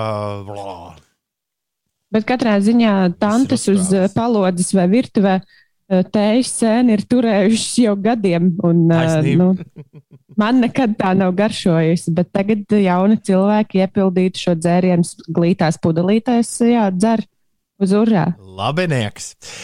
Astoņi, nē, astoņi vēl nav. Kurš miers? 7,28. Ines, kas notiek? Latviešu hokeja vārdsargs Elvis Meržļikins izcīnīja sauso uzvaru Kolumbusas Blue Jackets pēc spēles metienu sērijā ar 1-0 pārspējot Detroitas Red Wings. Spēlētājs savukārt Teodora Bļugera pārstāvētā Pitsburgas Penguins diemžēl ar 1-3 zaudēja Bostonas Bruins. Spēlētājiem tā liecina Nacionālās hokeja līgas informācija. Nu, prieks par Meržļikina uh, sauso spēli. Tālāk eh, Madrides Reāla Eiropas Futbola Federācija asociācijas čempionu līgas pusfinālā savā laukumā spēlēja neizšķirti ar Londonas Chelsea 1-1 un otrā pusfinālā spēle, kurā satiksies laukumā Parīzes Saint-Germain un Manchesteras City būs eh, šodien. Jā, pusfināli notiek 27. un 28. aprīlī un nākamie 4. un 5. maijā. Tālāk VF Rīga Latvijas basketbola līgas pusfinālā otro reizi lūkos uzvarēt eh, Liepājas komandu. Spēle Liepājas Olimpiskajā centrā sāksies pulksten 8. vakarā. Pirmajā eh, pusfināla spēlē Vefieši viesos Liepājus sagrāva ar rezultātu 99 pret eh, 60. Un Nacionālajā basketbola asociācijā ir noslēgusies spēle starp Dallasas Mavericks un uh, Golden State Warriors. Šī spēle beidzās par labu Dallasas spēlētājiem 133 pret 103. Kaut kā šodien tava balss Inesē riktīgi iedarbojas uz klausītājiem. Es vienu izziņu palaidu garām pirms kādas stundas, bet Jānis Rekur raksta labrīt. Vēlējos pateikt, ka Inesē ir ļoti skaists balss tembrs. Prieks klausīties. Jauku dienu jums! Un tā nav tiešām vienīgā izziņa, kuru Paldies, mēs Jāni. eh, šodien saņēmām, bet kur bija otra? Tā bija, tā bija arī ļoti jauka. Bet, uh, nu, nemāku es viņu tā Māris uztvert. rakstīja, Ines, tu šorīt izklausies kā cukurota zemenīte. Kā tas diez ir? Mm, cukurota zemenīte ar pienu. Mm, ņami, ņami, ņami. Kaut gan man vienmēr licies, ka uh, lielāku labumu, tad, kad ēd zemenes ar pienu un vēl zemenēs ir cukurs pārbērts pāri, man šķiet, ka piens iegūst vairāk nekā zemene. Uh, uh, labi, bet līdz tam mēs vēl nonāksim īstā sezona, tā ka šim vēl, šim vēl būs. Ir pusaustoņi no rīta, un pēdējais laiks, draugi mīļie, lai sāktos Jauno vecāku rīts, Jep, jau no vecāku rīta ir klāts. Labrīt, vecāki! Gan jaunie, gan ne tik jaunie. Laiks mums visiem atkal sadoties rokās un par savām nedēļām padomāt. Pirms nedēļas mēs it kā ne, ņēmām un uh, tur to telefonu jautājumu atlikām, bet tas īsti, nu, to var atlikt vēl uz nedēļu. es gribēju pastāstīt vienu uh, vienu citu lietu šajā rītā. Uh, nu, jebkurā gadījumā tas jautājums par telefonu bērniem un, un jaunu telefonu iegādi vai lietotu telefonu iegādi, viņš būs aktuāls vēl kādu laiciņu. Bet nedrīkst kavēties, jo kā man māsa bija ietvītojusi, par ko viņai liels paldies. Pēdiņās laimēt to šo dzirdi. E, Pēc četriem mēnešiem sākas skola. Auč! Auč! auč. Cerams, ka klātienē. Tā vēl nav beigusies, Uldi. Starp citu, Jā, man, bet tas skanēja tik tā. Manam, manam, pirmkla, manam pirmklasniekam, sākot no nākamās nedēļas, ir ārā nodarbības reize nedēļā Latvijas galvaspilsētā. Nu, tas tāds uh, skolas jaunums. Bet uh, citu jaunumu par skolu īsti nav. Tur nu, zumā viss, uh, viss labi turpinās. Bet uh, pēc uh, ļoti garas mājās sēdēšanas, kas bija saistīta ar vecāku uh, saslimšanu ar covid, jaunie cilvēki var atgriezties atpakaļ dzīvē, tā teikt. Un, uh, Mans jaunākais dēls, man ir divi dēli. Vienam ir četri, vienam ir septiņi, un uh, četrgadnieks ir atgriezies atpakaļ dārziņā. Un, zini, man ir tāda sajūta, ka uzvedas, vismaz nu, cik no es ar audzinātājiem esmu runājis, uzvedas labāk kā jebkad. Tas pēc mājasēdes mēnešu garumā. Es, ne- es nezinu, ko no tā izvilkt ārā. Vai, vai tā. Un, un priecīgs arī. Un, un viss, viss ir jauki ar to bērnu dārza atgriešanos. Savukārt, septiņ- septiņgadniekam tas nozīmē, ka tajā brīdī, kad mācības ir beigušās, vairs nav ko darīt, jo mājās nav tas otrs spitsbuks. Un, uh, uh, apvienojot uh, vajadz patīkamo ar liederīgo, drē, drēbes sāka pietrūkt. Uh, vakar devos uz centru, vakar dienas vidū. Tad, kad stundas bija beigušās, un arī es savus radio lietas biju apdarījis, tad uh, abi divi braucām uz centru iepirkties. Nu, tāds liels piedzīvojums. Vispirms mēs paēdām, uh, paēdām pusdienas vērmaņu dārzā, kas ir absolūti, ja kādreiz tā, uh, kāds, kāds būtu skatījies, ka, ko, ko tad tie tur dara, tad tagad tā ir pilnīgi normāla lieta. Nu kā, ēst jau iekšā nekur vēl joprojām nevar. Jā. Bija bijis par augstu vakar, lai, lai to darītu. Mums bija jāsilda rokas pie, pie makaronu kastītēm, kuras mēs ēdām, bet uh, abi beigās nosacinājām, ka ļoti, ļoti forši tā apsēsties parkā. Smējies vai raud, mēs divi tā iepriekšējā reizē to Londonā bijām darījuši. Uh, jā, pirms daudziem, daudziem gadiem. Tā, nu tad, kad bijām labi pēduši, tad mēs devāmies uz uh, apģērbu vodi. Un secinājums ir viens. Apģērbu bodē, kur ir arī uh, ļoti labi darbojas tiešsaistē, kur ir forši bērnu apģērbi, tāpēc mēs turieni devāmies.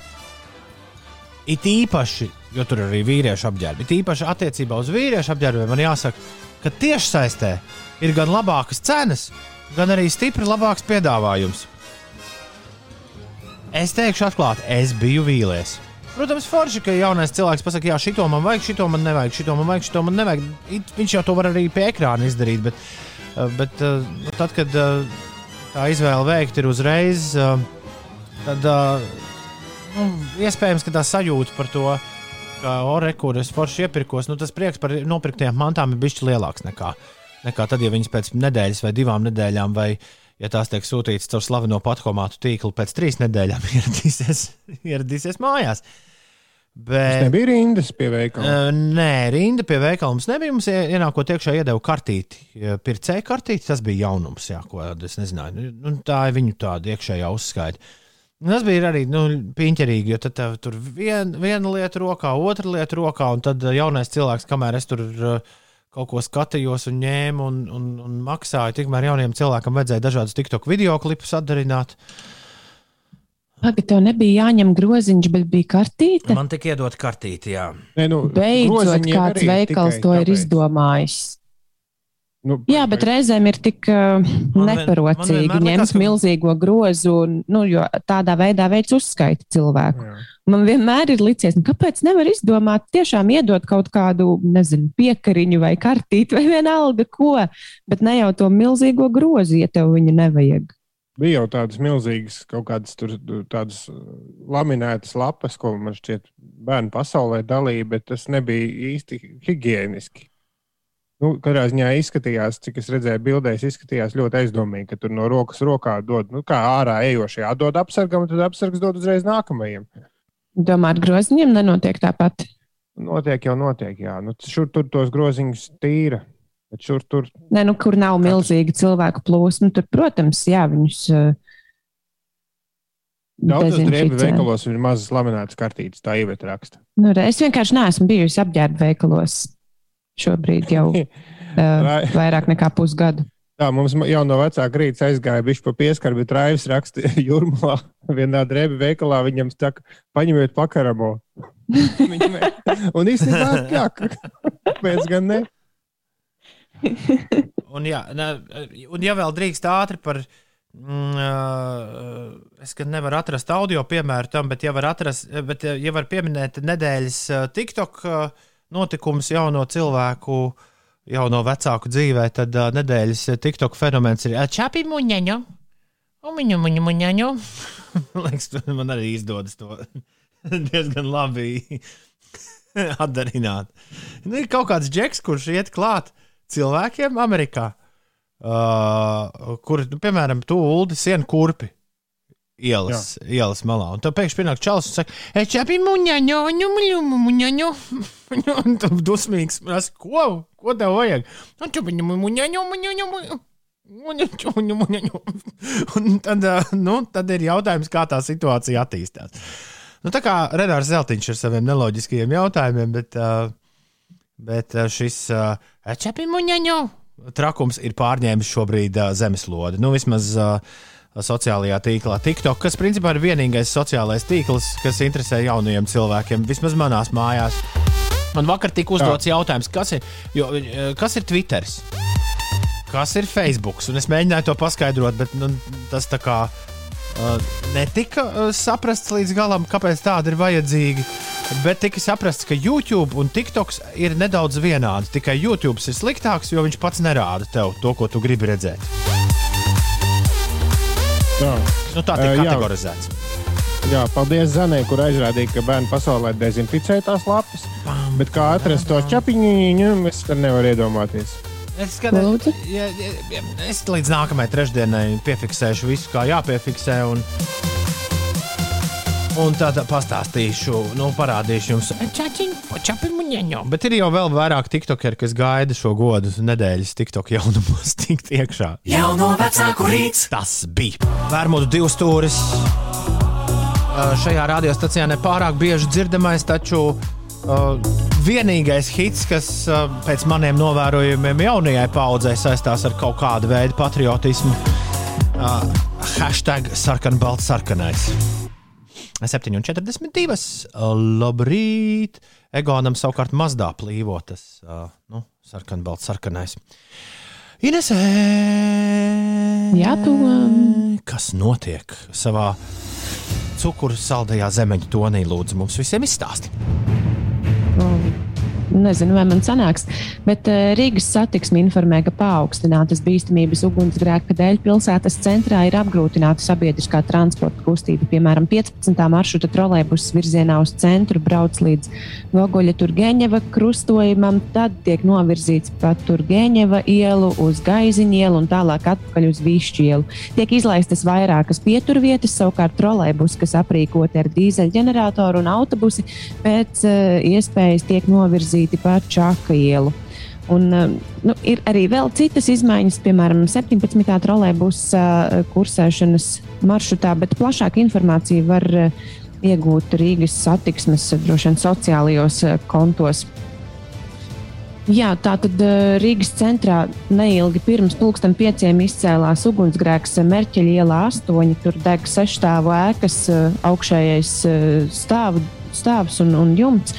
Un uh, šajā negadījumā ir gājuši bojā astoņi cilvēki. Un uh, satiksme Merķeļa ielas posmā no Čaka ielas līdz Baron- Barona ielai ir slēgta. Šajā ielas posmā nav ļauts pārvietoties arī gājējiem. Savukārt uh, tramvaja kustība pa Baronu ielu tā gan notiek. Tiesa, tur varētu būt mazliet traucēta kustība, jo uguns nelaimes dēļ vietām esot atslēgta elektrība. Jā, ja ir jāšķērsos centrs, tad uh, ir šorīt jā, jārēķinās ar to, ka sarežģījumi būs. 7,44. šeit Latvijas Rādio 5, 5 LV, 5 rīti tava rādio. Un tagad būs top 10. Uh, kaut kur esmu pazaudējis top 10 jingliņus, bet tas nav tik svarīgi. Ulu, kas padomā šorīt mums uh, top 10 nekā? Mēs jau varam nodziedāt top, top, top, top, top, top, top, top 10. Top 10 stāv Vācijā jau kādu laiku, kopš mēs ēterā atklājām daži, ka pumperi Miķelis nav pumperi Miķelis, bet ir pumperi Niķelis. Ar N, tā kā niķelis. Nu, tā kā, Tā kā, tā kā Ni- nauda. Jā, tā kā. Nu, Nu, tā kā Niķelis. dar- tabulā. metāls. Jā, jā. Jā. jā. Pumperi Niķelis. Un toreiz mums, Katrīna, jo tas bija absolūti ne trešdienā, tas bija kaut kādā pilnīgi citā laikā, un mums toreiz Katrīna rakstīja. Jūs jau varētu nākamo top 10 taisīt ar vārdiem, kurus visu dzīvi esat lietojis vai sapratis nepareizi, un tad tikai pieaudzis uzzināja īsto nozīmi. Tikai tad, kad translēters kopā ar grupu apveceļš ierakstīja dziesmu dejo, Uldis secināja, ka es saku nepareizi grupas apveceļš nosaukumu. Jo līdz, Man šim, teici? jo līdz šim brīdim, kad tā dziesma toreiz parādījās un es sāku viņu pieteikt radio, es vienmēr teicu apveceļš. Ar A? Es biju pilnīgi pārliecināts, ka tas ir ceļš, kurš Kurš apveceļš. cilvēks tā saka? Tas ir ceļš, kurš apva, ap, nu, apva, Apved, nu, bet apved. apvada ceļš.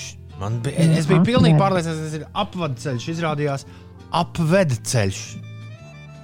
Oh, Jā, nu man laikam vienīgais vārds, uh, kas šobrīd nāk prātā, ir skrūvgriezis, nevis skrūvgrieznis. Skrūvgrieznis, nu jā, griezni. Griezis, skrūvgriezis. Jā, es, es joprojām nevaru pierast pie uh, skrupulozi, nevis s- un skrupulozi. Ko es, Kurpulozi. jā, es visu bērnību domāju, ka ir skurpulozi. Ah, Bet, bet es lasu, par laimi, iegūlējot, atradu, ka tā ir viena no izplatītākajām kļūdām. jā, Skrupu, pareizi ir skrupulozi. Ja? jā. Un nu, nerunāsim nemaz par to, ka aloja jāsaka ir du, divas skani, pie kā es nekad oh, nepieradīšu, un zemgala ir plato ē. Un Vienu- starp citu, Bermudu, kas mums tikko izskanēja, ir ar šauro ē. Be- be- Ber, nevis Bermudu, bet be, Bermudu. Bermudu. Bermudu. Tāpat kā, tā kā Tā kā tu Bermudas. man mudu virsū, ja? Jā, Bermudu. Bermudas un, un jā. Uh, ok, ber, Bermudu. Ok, ok. okay. Uh, kas ir jāraksta uz 293, 1, uh, 2020?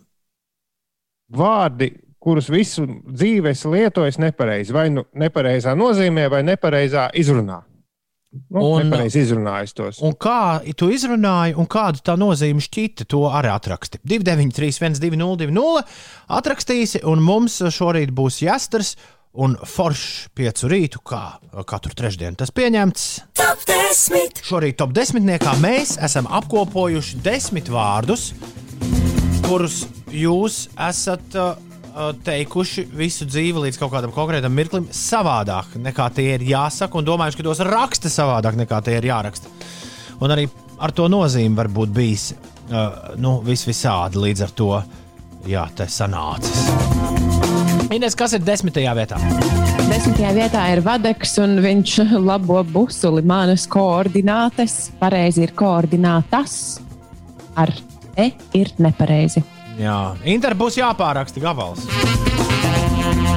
Devītajā vietā ir šerbets, nevis šerberts.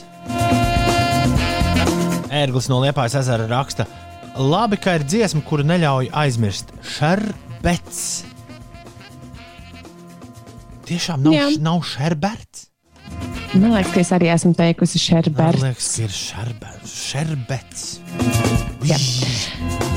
Nu, vēl jau tur ir sorbert, sorbets vai sorberts, kurš no tiem vēl klāt tam iet. Sorbā! Labi. Astotajā vietā ir Anete, un viņa saka, ka, lai gan eh, humos ir pareizi, ir arī tāds vārds eh, humus. Uh, bet abi divi nozīmē divas dažādas lietas. Humos ir ēdamā lieta, savukārt humus ir uh, augsnes uh, bagātināšanas lieta. Čī! Septītajā vietā Ieva. Kāds pazīstams cilvēks Latvijas vietā, uh, vārda vietā jā, lietoja laplānis. laplānis.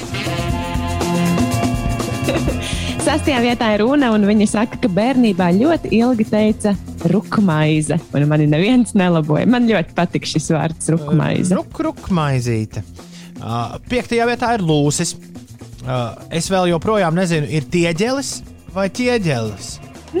Tāpat ar koklete vai kotlete. Vai tiešām tu nezini, kurš ir pareizi? Evita ir 4. vietā, un viņa raksta, labrīt, tikai vakar uzzināja, ka upes un ezeri ir nevis ūdens tilpnes, bet gan ūdens tilpes. Kas ir tilpe? Šo es arī nezināju, un arī man ir mind blown, kā saka. Ūdens tilpne ir skaidrs, tur, kur ūdens ietilpst iekšā. Bet kas ir Kur tilpe? ir ūdens? Tilpne ir kaut kas tāds, kur Ir trauks, es domāju, drīzāk. Jā. Nu, kaut kāds mākslīgi veidots, bet Ah. okeāni, upes, ezeri ir tilpes. Ūdens tilpe. Jā. Man šķiet, ka man vienreiz šo vārdu televīzijā laboja režisori. Jauniešu izklaidējoši jo informatīvajā spēlē gudrs, vēl gudrāks, loģiski. Trešajā vietā, skūpsts vietā tika lietots vārds skulpsts. Elu Nācis tev noskulpstīšu. Otrajā vietā ir Zane, un viņa saka, man bija jānodzīvo 25 gadi, lai uzzinātu, ka izsauciens Krievu valodā ir aļo garāžs, nevis aļoga raž. Krieviski! Aļoga! Aļoga raž! Aļoga raž! Aļoga raž. Aļoga raž! Aļoga raž! Sigulds Edgars ir dabūjis pirmo vietu. Edgars palicies, palicies tagad gaisā un saka, yes, jo tev ir izdevies hatriku iemaukt iekšā grozā. Bērnu dārzā mums pusdienās solīja, ka būs sautējums, bet es biju sapratis saldējums. Tajā laikā ilgstoši pie sevis tiku domājis, bērnu dārzā tas saldējums nu diena ir tāds pavisam, pavisam jocīgs. un uh, divi vēl mums Jā. te bonusā. Un viens no tiem ir vislabākais, jo ir atrakstīts nepareizais variants. Kāds, kāda dāma ir atrakstījusi, ka vīrs vienmēr pasaka atvilktne, atvilknes vietā, bet vīrs saka pareizi. Ir ar. Auč! Bet man liekas, ka izrunā to tā ne, neizjūt. Galvenais ir pareizi uzrakstīt. Atvilkt ne, jo atvilkt ne. Jo Jā. mēs atvelkam, atvilkt ir darbība, atvilkt ne. Uh, Tomo raksta, pēc tam, kad iepazinos ar pareizo nozīmi, aizrādu to tikai citiem. Zinu, esmu viens ieguvis pumperniķelis. Iepuvis. Iepuvis pumperniķelis, bet dekāde ir desmit dienas, nevis desmit gadi. Angliski, jā, dekāde desmit gadi, bet LV desmit dienas. Mēs kaut kā par šo strīdējāmies, un, un, uh, un, un, un man liekas, mums valodnieki teica, ka var lietot arī desmitgadē, tomēr dekādi. Osies, tā kā laiks jau ir pagājis, un dziesma nebūs, tad vēl Santa atrakstīja. Viņa līdz pusauģu vecumam domājas, ka mamma liek ilgaviņas, nevis ilgviļņus. Ilgaviņas. Bet izklausās jau ilgviņas. Ko liks māma ilgi? Ilgiņas? Ilgaviņas. Ilga viņas. Viņš pēc. Nu, par kovārni nezinu. Kas ir kovārni? Kovārnis vai kovārnis? Ko- Kovārnis. Kovārnis. Pareizi. À. Kā ir pareizi? Pareizi taču ir divi skani, vai ne? Nu, bet tā Kovārnis. loģiski. Kovārnis. Ā, un kāds cilvēks ir vienkārši visu mūžu teicis kovārni. Kovārnis. Rekā tas kovārnis ķērts. Es arī Ulu nezinu, kas ir dzīves stila kafejnīcas, kuras mēs dzirdējām. Uh, Jēnzis ir pieminējis uh, žurnālistiem, un tāpēc Latvijas radio ziņās nonāca šis uh, apzīmējums. Bet, uh, kad tik tās nav kafejnīcas, Ines, dzīves stila kafejnīcas, vai tās nevarētu būt kafejnīcas, kurās pārdod uh, uh, kafiju ar pienu par 5 Dzīves eiro? Par 5 eiro. Kafejnīcas, kur pulcējas dzīves stila blogeri un influenceri. Pārējiem nav ļauts ieiet. Bet, bet tad, kad es biju pavisam maziņš, man uzrādījās mājās satelīta televīzija, un tur bija tāds kanāls Lifestyle. Un es, man bija kaut kādi desmit gadi, un es atceros, tas bija garlaicīgākais kanāls pasaulē, jo tur tiešām nerādīja neko. Tur rādīja kaut kādus dekorēšanas darbus, un, un nu, apmēram Pinterest televīzija tā bija.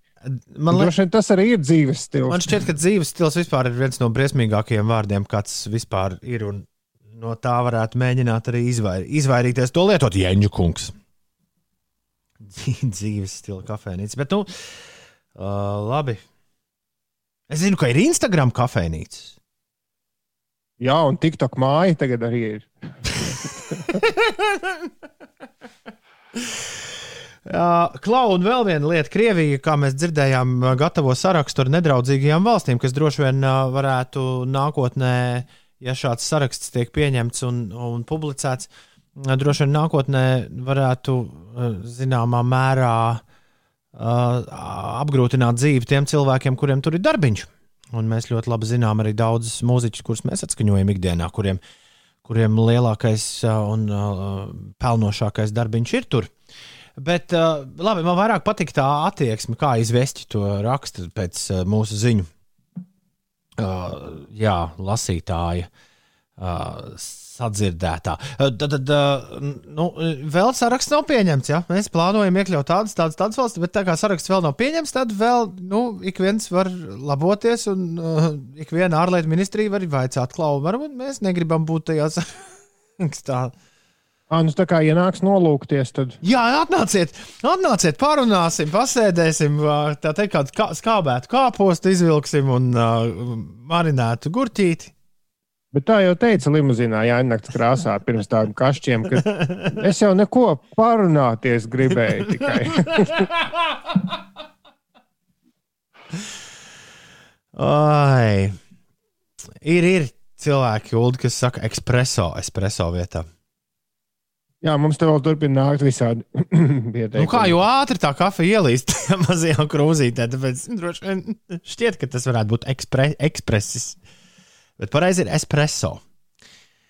Uh, par interesantiem vārdiem. Nesen man 11-gadīgā meita pārklausījās, ka simtkājas ir simtkājas.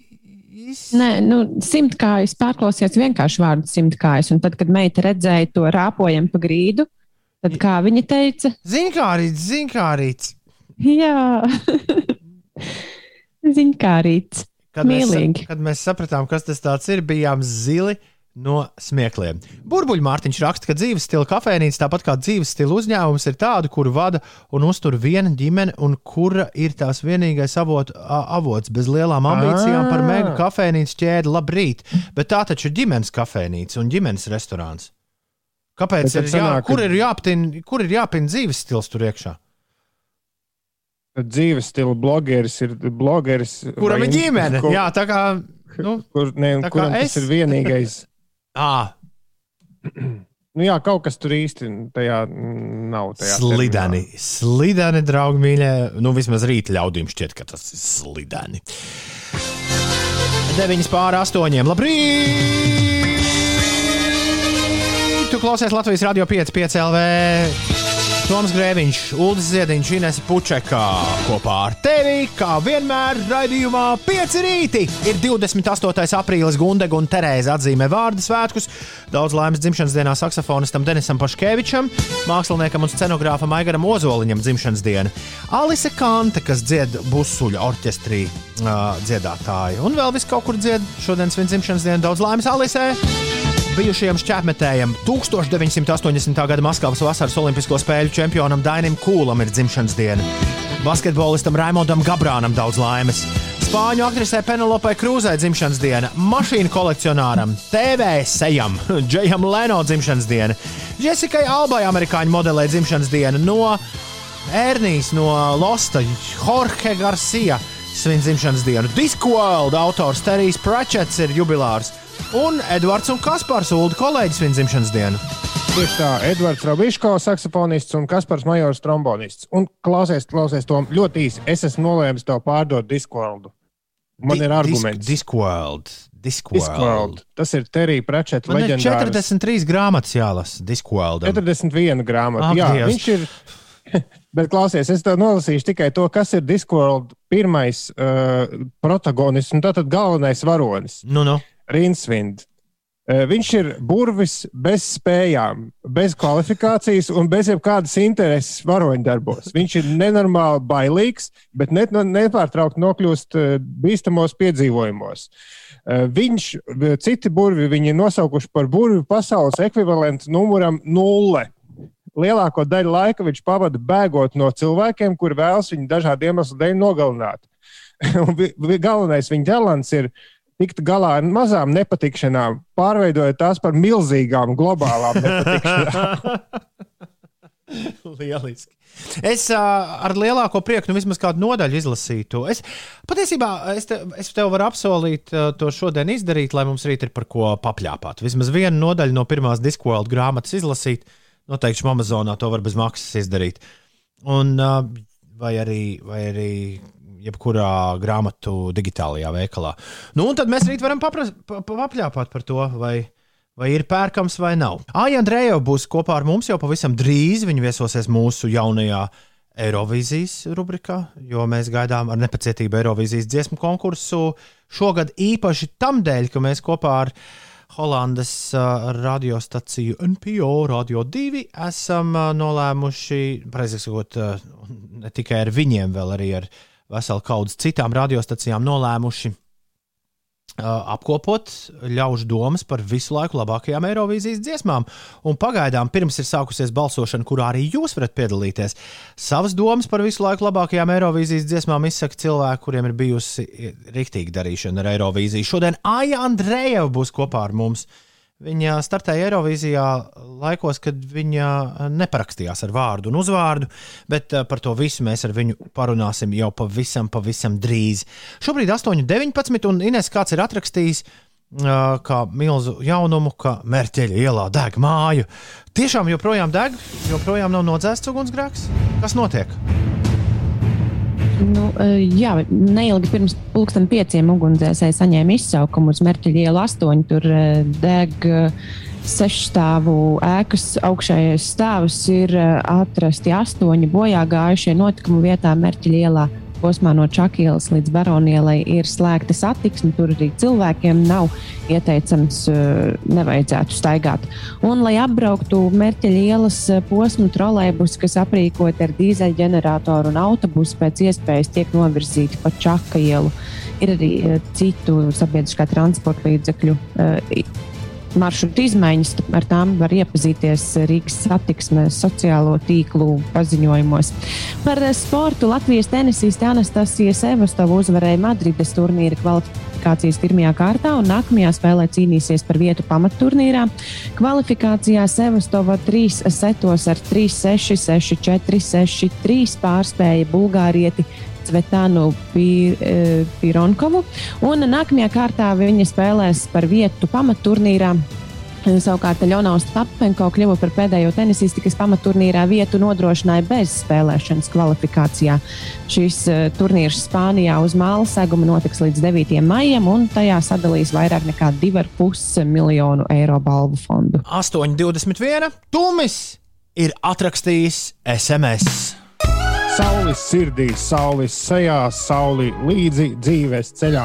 Pavasarī ieliec sirdī, pavasarī sauli baudi sejā, pavasarī darbus ieliec sētas ceļā. Sveicieni Gundagai vārdā svēkos, tā mums tumis rakstā. Tumis raksta Gundagai. SMS. Svei- Sveicienu! Ša manis. Aija Andrejeva un Zebrenē, un Aija Andrejeva mums ir pievienojusies šajā rītā. Labrīt, Aija! Klauda, šis taču ir tavs aktuālais singls, runājot mūzikas industrijas vārdiem. Jā, tieši tā. Kad būs? Pagāja kāds laiks, kamēr es sapratu, ka tur ir šā mani nobur, mani šā mani. Nu, ka tas ir. Nu, ka šāmani Ņem vārdā ir. šamani. Šāmanis ir vārdā arī tur ir vārdu Jā. spēle. Šā mani nobur. Šā! Šā! Tas ir cilvēki, kas lieto šā, saku, nu, tā kā aizstājot vārdu tūlīt. Nu, var, var tā skatīties, var vienkārši to šādi dziedāt, kā tādu izsaukumu, ka šā mani nobur mani. Jūs esat jau ieskrējušies, es vēl gan ne. Tūlīt ieskriesies. Tūlīt ieskriesies, nekas cits tev neatliks. Ej, ieskrieties! nē, nē, tā nebija domāts. Iedzeram labāk. Ai, forši tev redzēt, sen mēs neesam, sen mēs neesam tikušies. Sen neesam saredzējušies. Vesels, ā, vesela ceturdaļa gada ir pagājusi kopš dot pieci labdarības maratona, kad mēs tikāmies pēdēj, pēdējo reizi. Klau! Jā, Un kas tad pašai ar mūziku? Tik pie citiem viesojas, jeb arī tomēr pati kaut ko esi radījusi. Jeb, jeb, jeb ir tāds pauzīts tagad. Nē, nu, pauz, pauzīt nav bijis. Tā plāni mainījās, uh, atlikās. Bija plāns doties tagad vienā radošā nometnē, bet uh, par cik mani te paaicināja uh, Rīgas Krievdrāmas teātris mm, uz vienu projektu, uz vienu izrādi, tad es tagad cītīgi eju uz darbu katru O! dienu un iestudēju, iestudēju Krievdrāmā vienu. Vienu izrādīt, nevis es iestudēju, es esmu kā, protams, kā, kā, kā aktieris. Un, uh, tas man tagad ir nodarbinājis jau, jau mēnesi, gandrīz. Jā. Tev ir labi. Tavs paudzes cilvēkiem mēdz būt ar to krievu valodu tā un tā. Tev nav problēma. Ja? Mm, Bet, zināmā kā, nu, izrāda ir bez vārdiem. À, Tāpēc, eh, tāpēc viss ir brīnišķīgi. Izrādē nav valoda, izrādē ir tikai skaņa, kustība, mūzika, dažāda veida mūzika, gan melodiska mūzika, gan, gan arī tāda noskaņa mūzika. Un, nu, tā, kā, tā kā tā kaut kā. bet ar to, bet ar to izrādi tāpat kā ar Siguldas koncertu var sanākt. Nu, Jā, izrādi būs, bet jāgaida, kad to varēs redzēt. Tieši tā, tieši tā. Nu, tā kā visi, visos teātros, un laikam visiem ir tā schēma šobrīd tāda, ka iestudēt, iestudē, bet uh, pirmizrāde mums ir 15. maijā. Mēs to nospēlēsim teātrī vadībai visticamāk. Un tad noliksim plaukņā un gaidīsim, ka varēsim spēlēt uh, jā, klātienē cilvēkiem. 20, 20. gada vasarā bija plānots tavs visu laiku lielākais koncerts, kurš loģiski nenotika. Viņš tika pārcelts, nu, kā visi koncerti tajā brīdī, uz 21. gada vasaru. Nu, kādas pašai sajūtas par to? Nu, visticamāk, ka, visticamāk, ka šis notikums atkal tiks atcelts. Nevis visticamāk, bet noteikti, tāpēc, ka pārceltais Siguldas koncerts ir paredzēta šobrīd joprojām 5. jūnijā. Ai, Ilgi strādē, un, un kā jau mēs visi zinām, nu, tas visticamāk nenotiks. Un, tas nedrīkstēs notikt. Nu, tā. Nu, tā. Es tagad oficiāli kaut ko iz- paziņoju, bet nu, vēl tā pavisam oficiāli izziņošu varbūt kaut nākamnedēļ. To. Tas Jā. nedrīkstēs notikt, bet vienlaicīgi nedrīkstēs arī nenotikt. Nu, kaut kad vēlāk. Nu, kaut kad vēlāk, jā, nu, paldies, Uldi. Paldies, paldies. Es sekoju, es sekoju līdzi. Šis ir vienkārši interesants fakts, kur neesmu minējis ne, ne tikai tev, loģiski, bet arī Uldim un Inesē neko par to neesmu teicis. Es sekoju līdzi Norvēģu ansamblim Kings of Convenience, kur ir izdomājuši te atgriešanās turnēju uztaisīt Norvēģijā, viņi izdomāja to darīt gan tāpēc, ka viņiem pirmkārt jauna mūzika, bet uh, Norvēģu valdība viņiem ļauj spēlēt koncertu turnēju, kurā drīkst iekšā uh, cilvēki būt koncertu zālēs tikai simts milzīgās koncertu zālēs. Tikai simts biļetes, un valdība viņiem ir apsolījusi visas pārējās biļetes, kuras viņi pārdot uz šo koncertu, pieņemot, ka viss ir izpārdots. Procentuāli, ja, tu, ja viņi pārdod tās simts biļetes, visu pārējo naudu viņiem samaksāt. Oh! Bet tā viņi tikai pret to grupu, vai nu tad jau pārējie ir tādi drusku Es, apdalīti? es ja? nesakoju visām norvēģu grupām, Aija. Ja, ja, Es saprotu. Nu, droši vien, ka pārējiem jau arī ir līdzīga schēma, kāpēc lai tur būtu kaut kāda izņēmuma. Bet vispār šis ir jaudīgi. Jā, nu, kaut vai gribētos kaut vai tiem simts cilvēkiem sākt kaut ko spēlēt pamazām. Tikai es ļoti ceru, ka vasaras vidu kaut, kas, notikt. kaut kas ārā uz, uz kāda busiņa jumta. Kaut, kaut Jā. kas jau būs. Kaut, kaut kas jau būs. Šodien es vēlos aizt tevi ņemt aiz rokas un vest tevi atpakaļ pa atmiņu taku uz 11 gadu senu pagātni, uz 2010. gada pavasari, kad tu uzdevi visai Eiropai un visai pasaulē jautājumu. Pavisam vienkārši, what for? Mm. -hmm. Gunter Rača un Jāņa Lūsēna dēļ tu uzdevi to jautājumu, vai ne? Jā, jā. Viņi bija vainojami pie šīs skaņdarba. Kā tu vispār nonāci tajā projektā, kas tev aizved uz Eirovīzijas dziesmu konkursu? Kā autori izdomāja, ka tev jādzied šī dziesma, vai arī tā tika tev speciāli rakstīta? Kā tur īsti bija? Patiesībā es uh, rakājoties tādos um, Gunters Račs man iedeva, nu, teiksim tā, deva piekļuvi kaut kādiem saviem dziesmu mm, arhīviem. Un, uh, es tur uzgāju uh, Jāņa Lūsēna dziesmu, šo, uh, kurai vēl nebija vārdu, un, un, un sapratu, ka kaut kas tur ierezonēja man. Dikti jau iepatikās, un tad mēs uh, Gunārs uzrakstīja tekstu, un mēs ar Kasparu Ansonu ķērāmies pie apdarītas, tā teikt. Jau toreiz, jau toreiz Kaspars Ansons bija pie pogām visam, visam kas notika. Jā, jā, mēs ar Ansonu laikam, nu, es, nu, tas tā jau sanāk. Mēs ar Ansonu pusdzīvi esam kopā mm, pa, pavadījuši, tā teikt, jau, jā. Bet, jā, Ansons bija producents. Nu, nu, kaut kāda baigi, tas ir tik sen, man liekas, ka tā ir cita dzīve, un ka tas, kā. Tev arī sauca savādāk galu galā. Tā kā visa Eiropa teica, ka Aisha ir uz skatuves, nevis Aija Andrējeva. Jā. Mm. Kas ir foršākais, ko tu no šī piedzīvojuma atceries? Nu, Foršākais eh, tā, tas tūlīt es noformulēšu. Ne, nu, tā iespēja būt tāda maštāba pasākumā. Es atceros to savu, man bija nu, vispār tajā laikā, nu, mēs Latvijā, nu, kāda varbūt liela grupa izmantoja ausu monitors. Saprot, un mēs, tas mums pirmā pieredze. Um, Bija Eirovīzijā, tā tad ir pirms tu kāp uz lielās skatuves, tev ir mēģinājums ar ausu monitoriem atsevišķā istabā. Un man tas bija tāds notikums.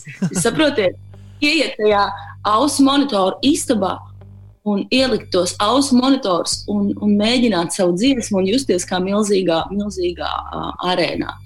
Uh, nu, vispār tas, tas, tas viss, tie cilvēki un, uh, un tas, kā, kā tas darbs notiek, man tas bija nereāls, nereāls. No, nu, man bija īstenībā šoks un tad, tad milzīgi.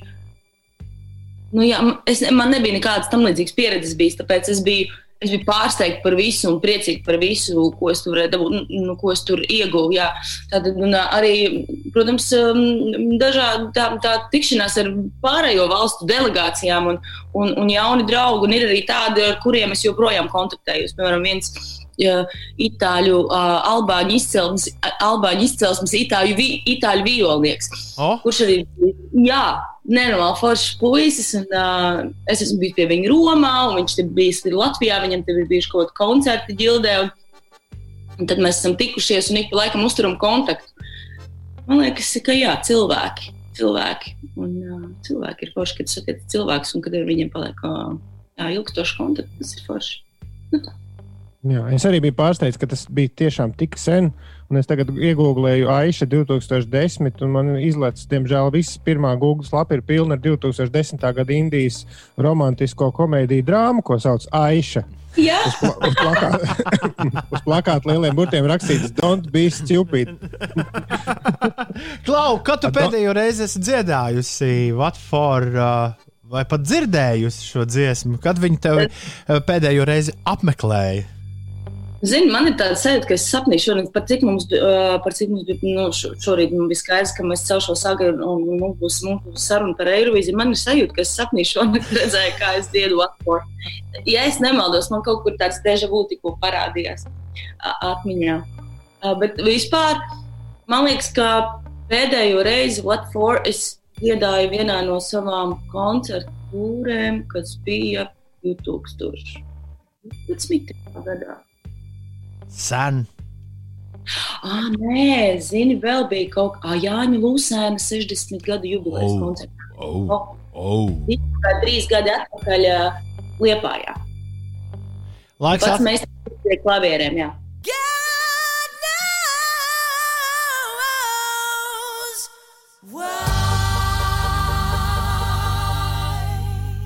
What for? Latvijas Eirovīzijas dziesma 2010. gadā. Madara raksta, šī joprojām ir viena no mīļākajām Eirovīzijas dziesmām, kur pārstāvējusi Latviju. Sveicieni tev, Aija! Un kūciņa oh. kurjeras Matīs ar šo saklausot teica: oh, Nostalģija uzsit! Un, un Ingūns atcerējās Okartas skatuvi un arī sapņu, sapņu fabriku. Kāpēc sapņu fabriku? Nezinu. Nezinu, nevienā no šīm uh, sapņu un Bija talanta Mēs fabrika. sapratām, ā, ko mēs sapratām.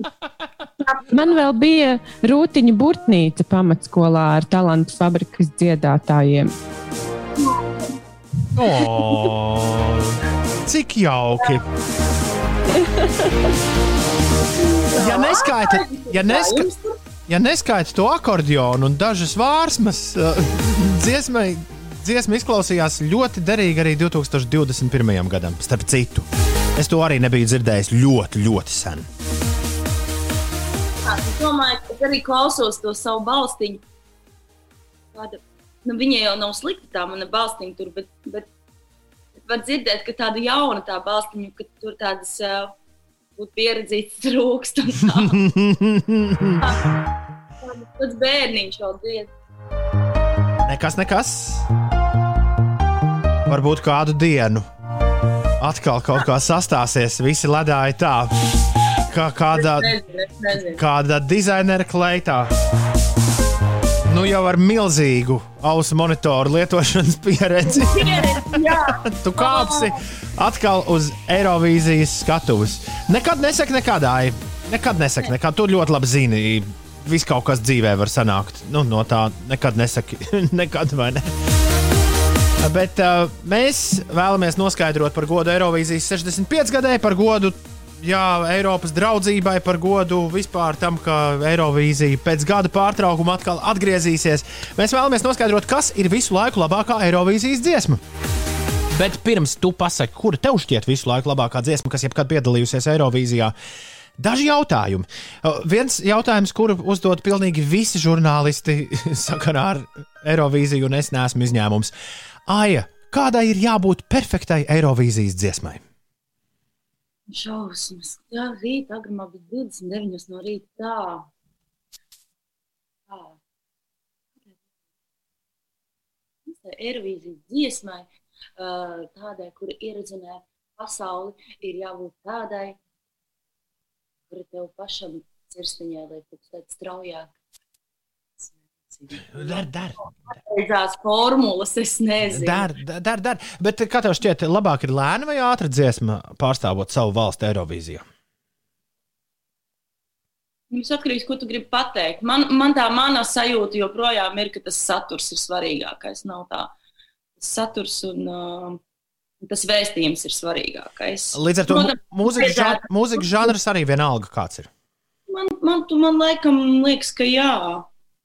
Tomēr, nu, taču tik dažādi, mm, dažādi žanri ir uzvarējuši. Es šodien atcerējos tos lordus trakos. Mm -hmm.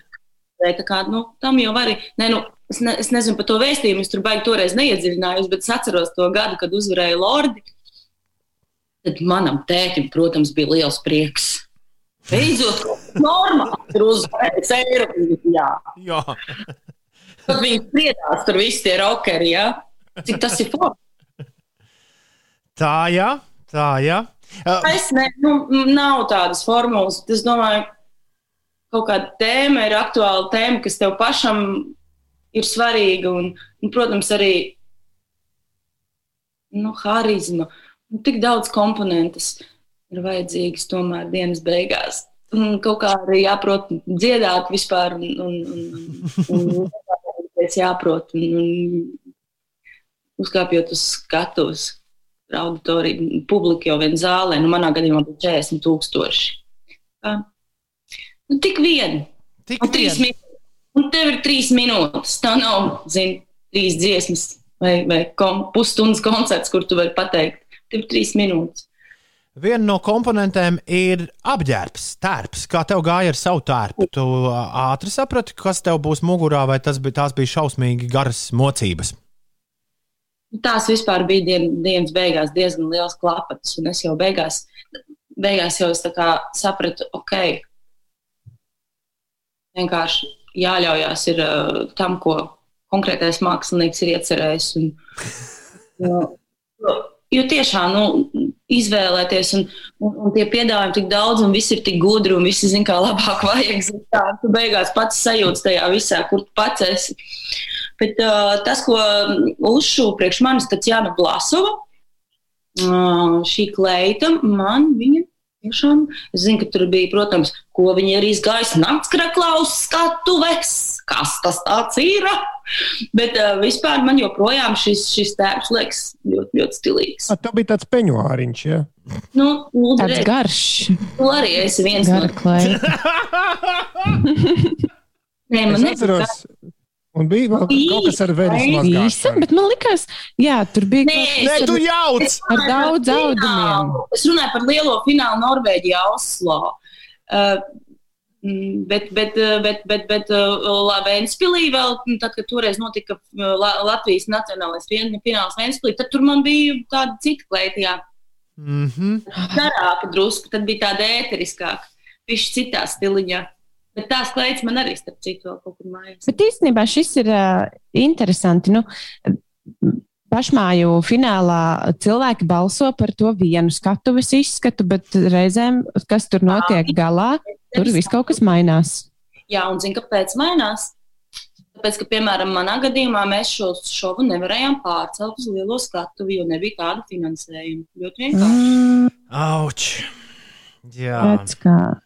Tā kā, nu, tās ir nu, detaļas, kuras cilvēki nezina, bet nu, tā tas ir. tā viņš Jā. ir. Tā viņš ir. Bet Arī, arī, nu, es teiktu, ka, teiktu, ka tā, ka um, toreiz uh, es biju tā kā less is more, zin kā, tā kā. Mhm. Un tad likās, ok, dziesma, dziesma ir gana jaudīga, iesim un darīsim ar kaut kādām ar minimāliem līdzekļiem. Nu, vien, ka būs, mums būs vienkāršs priekšnesums. Panāksim, nu, vēl, nu, centīsimies panākt vēlamo rezultātu. Bet, nu, bija kā bija, bet, nu, jā, īsāk sakot, dažādi iemesli, kāpēc. Kāpēc ir tā un ne citādāk? Bet skaidrs Drīkst ir viens. uz, uz Skaidrs ir viens, paņemot, Jā, labi, labi. paņemot mūsu aizvadīto 20 gadu vēstures grāmatu, uh, Eirovīzijas un mūsu startus Eirovīzijas dziesmu konkursā. Less is more nekad nav nostrādājis. Nu, Uh, Eirovīzijas. Nekad uz Eirovīzijas skatuves nestrādā Less is more. Nu, a- a- ar, vien, nu, ar katru gadu paliek ar vien trakāk. Jā, tur laikam ir cits, tas ir cits gadījums. Bet, Es tieši Latvijas sakarā domāju, Strūns par, nu, tā ir Šalv- Šalvodārs Sobrāls, un, un ir, ir, ir, protams, tāda labi. Arī, jā, portugāļu puisis man uzreiz pirmais nāk prātā, kurš, kurš ļoti skaisti nodziedāja dziesmu pie klavierēm. Ulda, atvaino, man bija jāpasaka tas, kas man bija jāpasaka. Ko tu gribēji teikt? Es nezinu, vai to vajag teikt, jo es visu laiku balansēju pieklājības robežas, bet es, es vienkārši skatos bildes 2010. gada, un es nezinu, vai var teikt, less is more, jo, jo uh, Aija, tu šobrīd esi ļoti labā formā. Nu, tā, es domāju, fiziski. Nu, tā. Uldi! Skatoties uz 2010. gadu. Jā! Ar to gribēju teikt, ka es toreiz nebiju fiziski labā formā. Nē, tu biji ļoti labā formā, bet uh, Nu, tagad tiec ārā no šīs ķēzes. Aija, tu vienmēr es labāk nosargšu un klusēšu. Ai, tu vienmēr esi labi izskatījusies. Bet, Vienmēr. gribētu- Jā. bet pagaid. Uldi, Uldi, nozaļu spotlight, tu esi malacis. Es gribēju teikt, ka tu tagad izskaties vēl labāk. Tu vienmēr esi Bet man izskatījies arī labi. to patīk labāk šo, šobrīd. Nu, ja? Tas ir svarīgākais. Jaunība vispār pārvērtēta. Jā, un tur tāds piena ģīmijs, vēl tāds apaļiem, vaigi, riktīgi. To es arī gribēju tu teikt. tagad tava kārta. Tagad Tu mana kārta būtu spotlightā. Es paņemšu to prožektoru. Es, grib, es gribēju lēnām uh, noslēgt šo sarunu. Paldies, ka atvēlēji laiku, un paldies, ka atgriezies šajās atmiņās un pastāstīji mums visu, ko, ko varbūt mēs zinājām, bet bijām vienkārši aizmirsuši. Tagad tev ir jāizvēlas visu laiku labākā. Eirovīzijas dziesma. Mēs sāksim jau nākamā trešdiena. Visi sāksim balsot par visu laiku labākajām Eirovīzijas dziesmām. Drīkstēsim izvēlēties un balsot arī par savām dziesmām, atšķirībā no konkursa, kas ir forši. Un varbūt arī Vatfora nonāks kaut kur augstās pozīcijās Latvijas balsojumā. Bet par kuru dziesmu tu balsot, jo tev būtu iespēja balsot par visu laiku labāko Eirovīzijas dziesmu un kāpēc? Pirmā man prātā nāk Lorīna, uh, Zviedru meitene uh, ar dziesmu Euphoria. un Tā, mm, kāpēc? Es nezinu, man ļoti, man vien, tas bija liekas, ka gads pēc manas uh, Eirovīzijas. Viņa uzvarēja, jā. Es nezinu, man vienkārši ļoti, ļoti patika tā dziesma. Tiešām. Tas piedziedājums ir kaut kas, vai ne? Jā, jā, jā, jā. Un tas, kā viņa kustējās, un cik viņa tāda, tāda nepieradināta, tāda, tāda, tāda, tāda baigi jaudīgā dāma un superīga dziesma, un redz arī viss notika. Jā, tā ir laikam man mīļākā Eirovīzijas dziesma. Aija, lai brīnišķīgi te eh, pirmizrāde teātrī Paldies! un gaidām. Un gaidām Jā. jaunas, jaunumus no tevis, un ceram, tevi ieraudzīt arī vaigā, ne tikai internetos un rā, radio tiešraižu video čatos. Jā, es arī ļoti ceru un ļoti gribu visus satikt. Lai skan. Lorīna un Euphoria. Čavāja, paldies! Atā! Tā. Tā! Jēj! Tā bija Lorīna. Lorīna ar Euphoria. Un Inesei ir tāda ziņa, ka es gandrīz nu pat no krēsla nokritu. to izdzirdot. Ines izstāsta visiem, kas notiek. Viena no slavenākajām jaunās paaudzes dziedātājām, Bilija Eiliša, jūlijā izdos jaunu albumu. Tā nosaukums būs Happier Than Ever. 19 gadus vecā mākslinieca sociālajā saziņas vietnē Instagram informēja, ka visas dziesmas radījusi viņa sadarbībā, kopā, eh, sadarbībā ar brāli. Brālis arī esot albuma producents, un albums pie klausītājiem nonāks 31. jūlijā, bet pirmais singls tiks publiskots Rītvakar, rīt. rītvakar, Jā, tas pulksten, viņas mīļākais darbs. pulksten septiņos vakarā. Jā. Nu, lūk, to, var, to var visi gaidīt ar nepacietību. Tālāk par gaidāmajiem laikapstākļiem. Lai gan laiks kļūs nedaudz siltāks, arī maija pirmajā nedēļā vidējā gaisa temperatūra Latvijā gaidāma zemāka par normu. Tā liecina jaunākās sinaptiķu prognozes. Sagaidāms, ka aprīļa pēdējā diennaktī daudz vietā atnesīs ciklons bagātīgu lietu, vairāk nokrišņu būs naktī un no rīta. Un gaisa temperatūra 0,4 grādi. Savukārt 1. maija pēcpusdienā saule gaisu sasildīs līdz plus 9, plus 12 grādiem. Nedaudz vēsāks būs eh, piekrastē. Un par eh, ugunsgrēku, kas Rīgas centrā notiek Me Merķeļa ielā, vēl bez 28. bija ziņa par to, ka hostels Rīgā deg ap 140 km2 platībā un dzēšanas darbi turpinās. Šī ziņa bija nu, pirms krietna laika, jau pirms stundas. Varbūt tur kaut kas ir mainījies, bet katrā ziņā satiksme ir e, tur ierobežota. Bilija Eiliša ir publiskojusi arī visu albumu dziesmu sarakstu. Albumā būs 16 dziesmas, nav nekāds mazais albums. Un uh, dziesmu nosaukums, dziesmu nosaukums pirmajā mirklī viņš pēc joka izklausās. Uh, pirmais, uh, pirmā dziesma ir Getting Older, tad otrā dziesma ir I Didn't Change My Number, un trešo dziesmu sauc Billy Bossa Nova. Mm, interesanti. Jā, bet nu, tālāk tur ir jau. e, Tālāk mēs uzzinām, ka tur iekšā būs arī visi iepriekšējie singli, kas ir bijuši pēc iepriekšējā albuma. Gan My Future, gan Therefore I Am būs uh, tur. Jā, un James Bonda dziesma nebūs. Es joprojām esmu pārliecināts, ka viņi mēģinās, tad, kad beidzot to bondu viņi izdabūs ārā no skapja, viņi mēģinās to Billijas Eilišas dziesmu vēlreiz padarīt par superhitu. Un lai viņiem izdodas, bet labā ziņa ir tāda, ka piekdien no rīta mums būs jauna Billijas Eilišas dziesma, kuru mēs drillēsim uz riņķi vien. Uz riņķi vien, un 30. jūlijā iznāks Ulu šī gada mīļākais albums, kurš sauc Happier Than Ever. Ai, cik jauki. Uh, Varbūt uz šī paša viļņa arī to vienīgo interesanto ziņu, kas mums šorīt ir. Uh, Es domāju, ka to vienīgo ailišu dziesmu, ko mēs šobrīd spēlējam, uzlikt. Iekrājusies. Mēs varam arī ailišu uzlikt un interesantās ziņas izrunāt rīt no rīta. Man nav ar to nekādu problēmu. Ines, kā tev šķiet, kas mums jādara tagad? Tātad varianti bija Bilija Eiliša vai, vai ziņas? interesantās ziņas? Jā. nu, uzliec, varbūt Billija Eiliša. Mm, Šobrīd tūkstošiem klausītāju. Nē, mums vajag interesantās ziņas. Tas ir tik grūti izlemt visu cilvēku vietā. Interesantās būs rīt par ailišu, mēs rīt nerunāsim. jā, jo mēs par Eilišu runāsim daudz parīt, kad mēs apspriedīsim, kā mums patīk tā jaunā dziesma. Tieši tā. Bilija Eiliša, Therefore I Am. Šī dziesma būs iekšā Bilijas albumā. Man šķiet, tas bija pārteicos. Uh, nav gluži tā, ka visas dziesmas pēc viņas debijas, kuras esam dabūjuši, tur būs iekšā. Bonda dziesmas jau teicu, ka nebūs.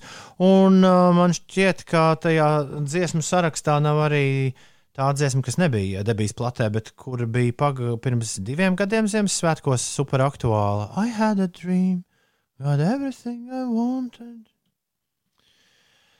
Uh, tas arī viss.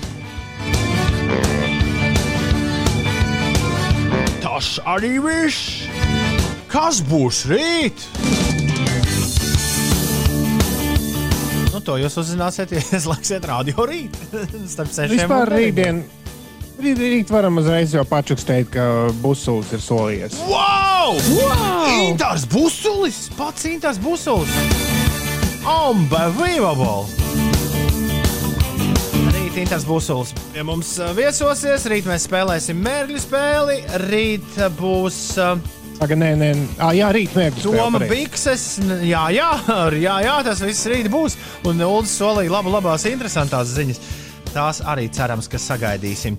Paldies visiem par klausīšanos, lai maz dūmu, bet sirdī uguns. Kaut kur šis jāpieraksta. Paldies un tiekamies! Visu labu! Atā! Atā!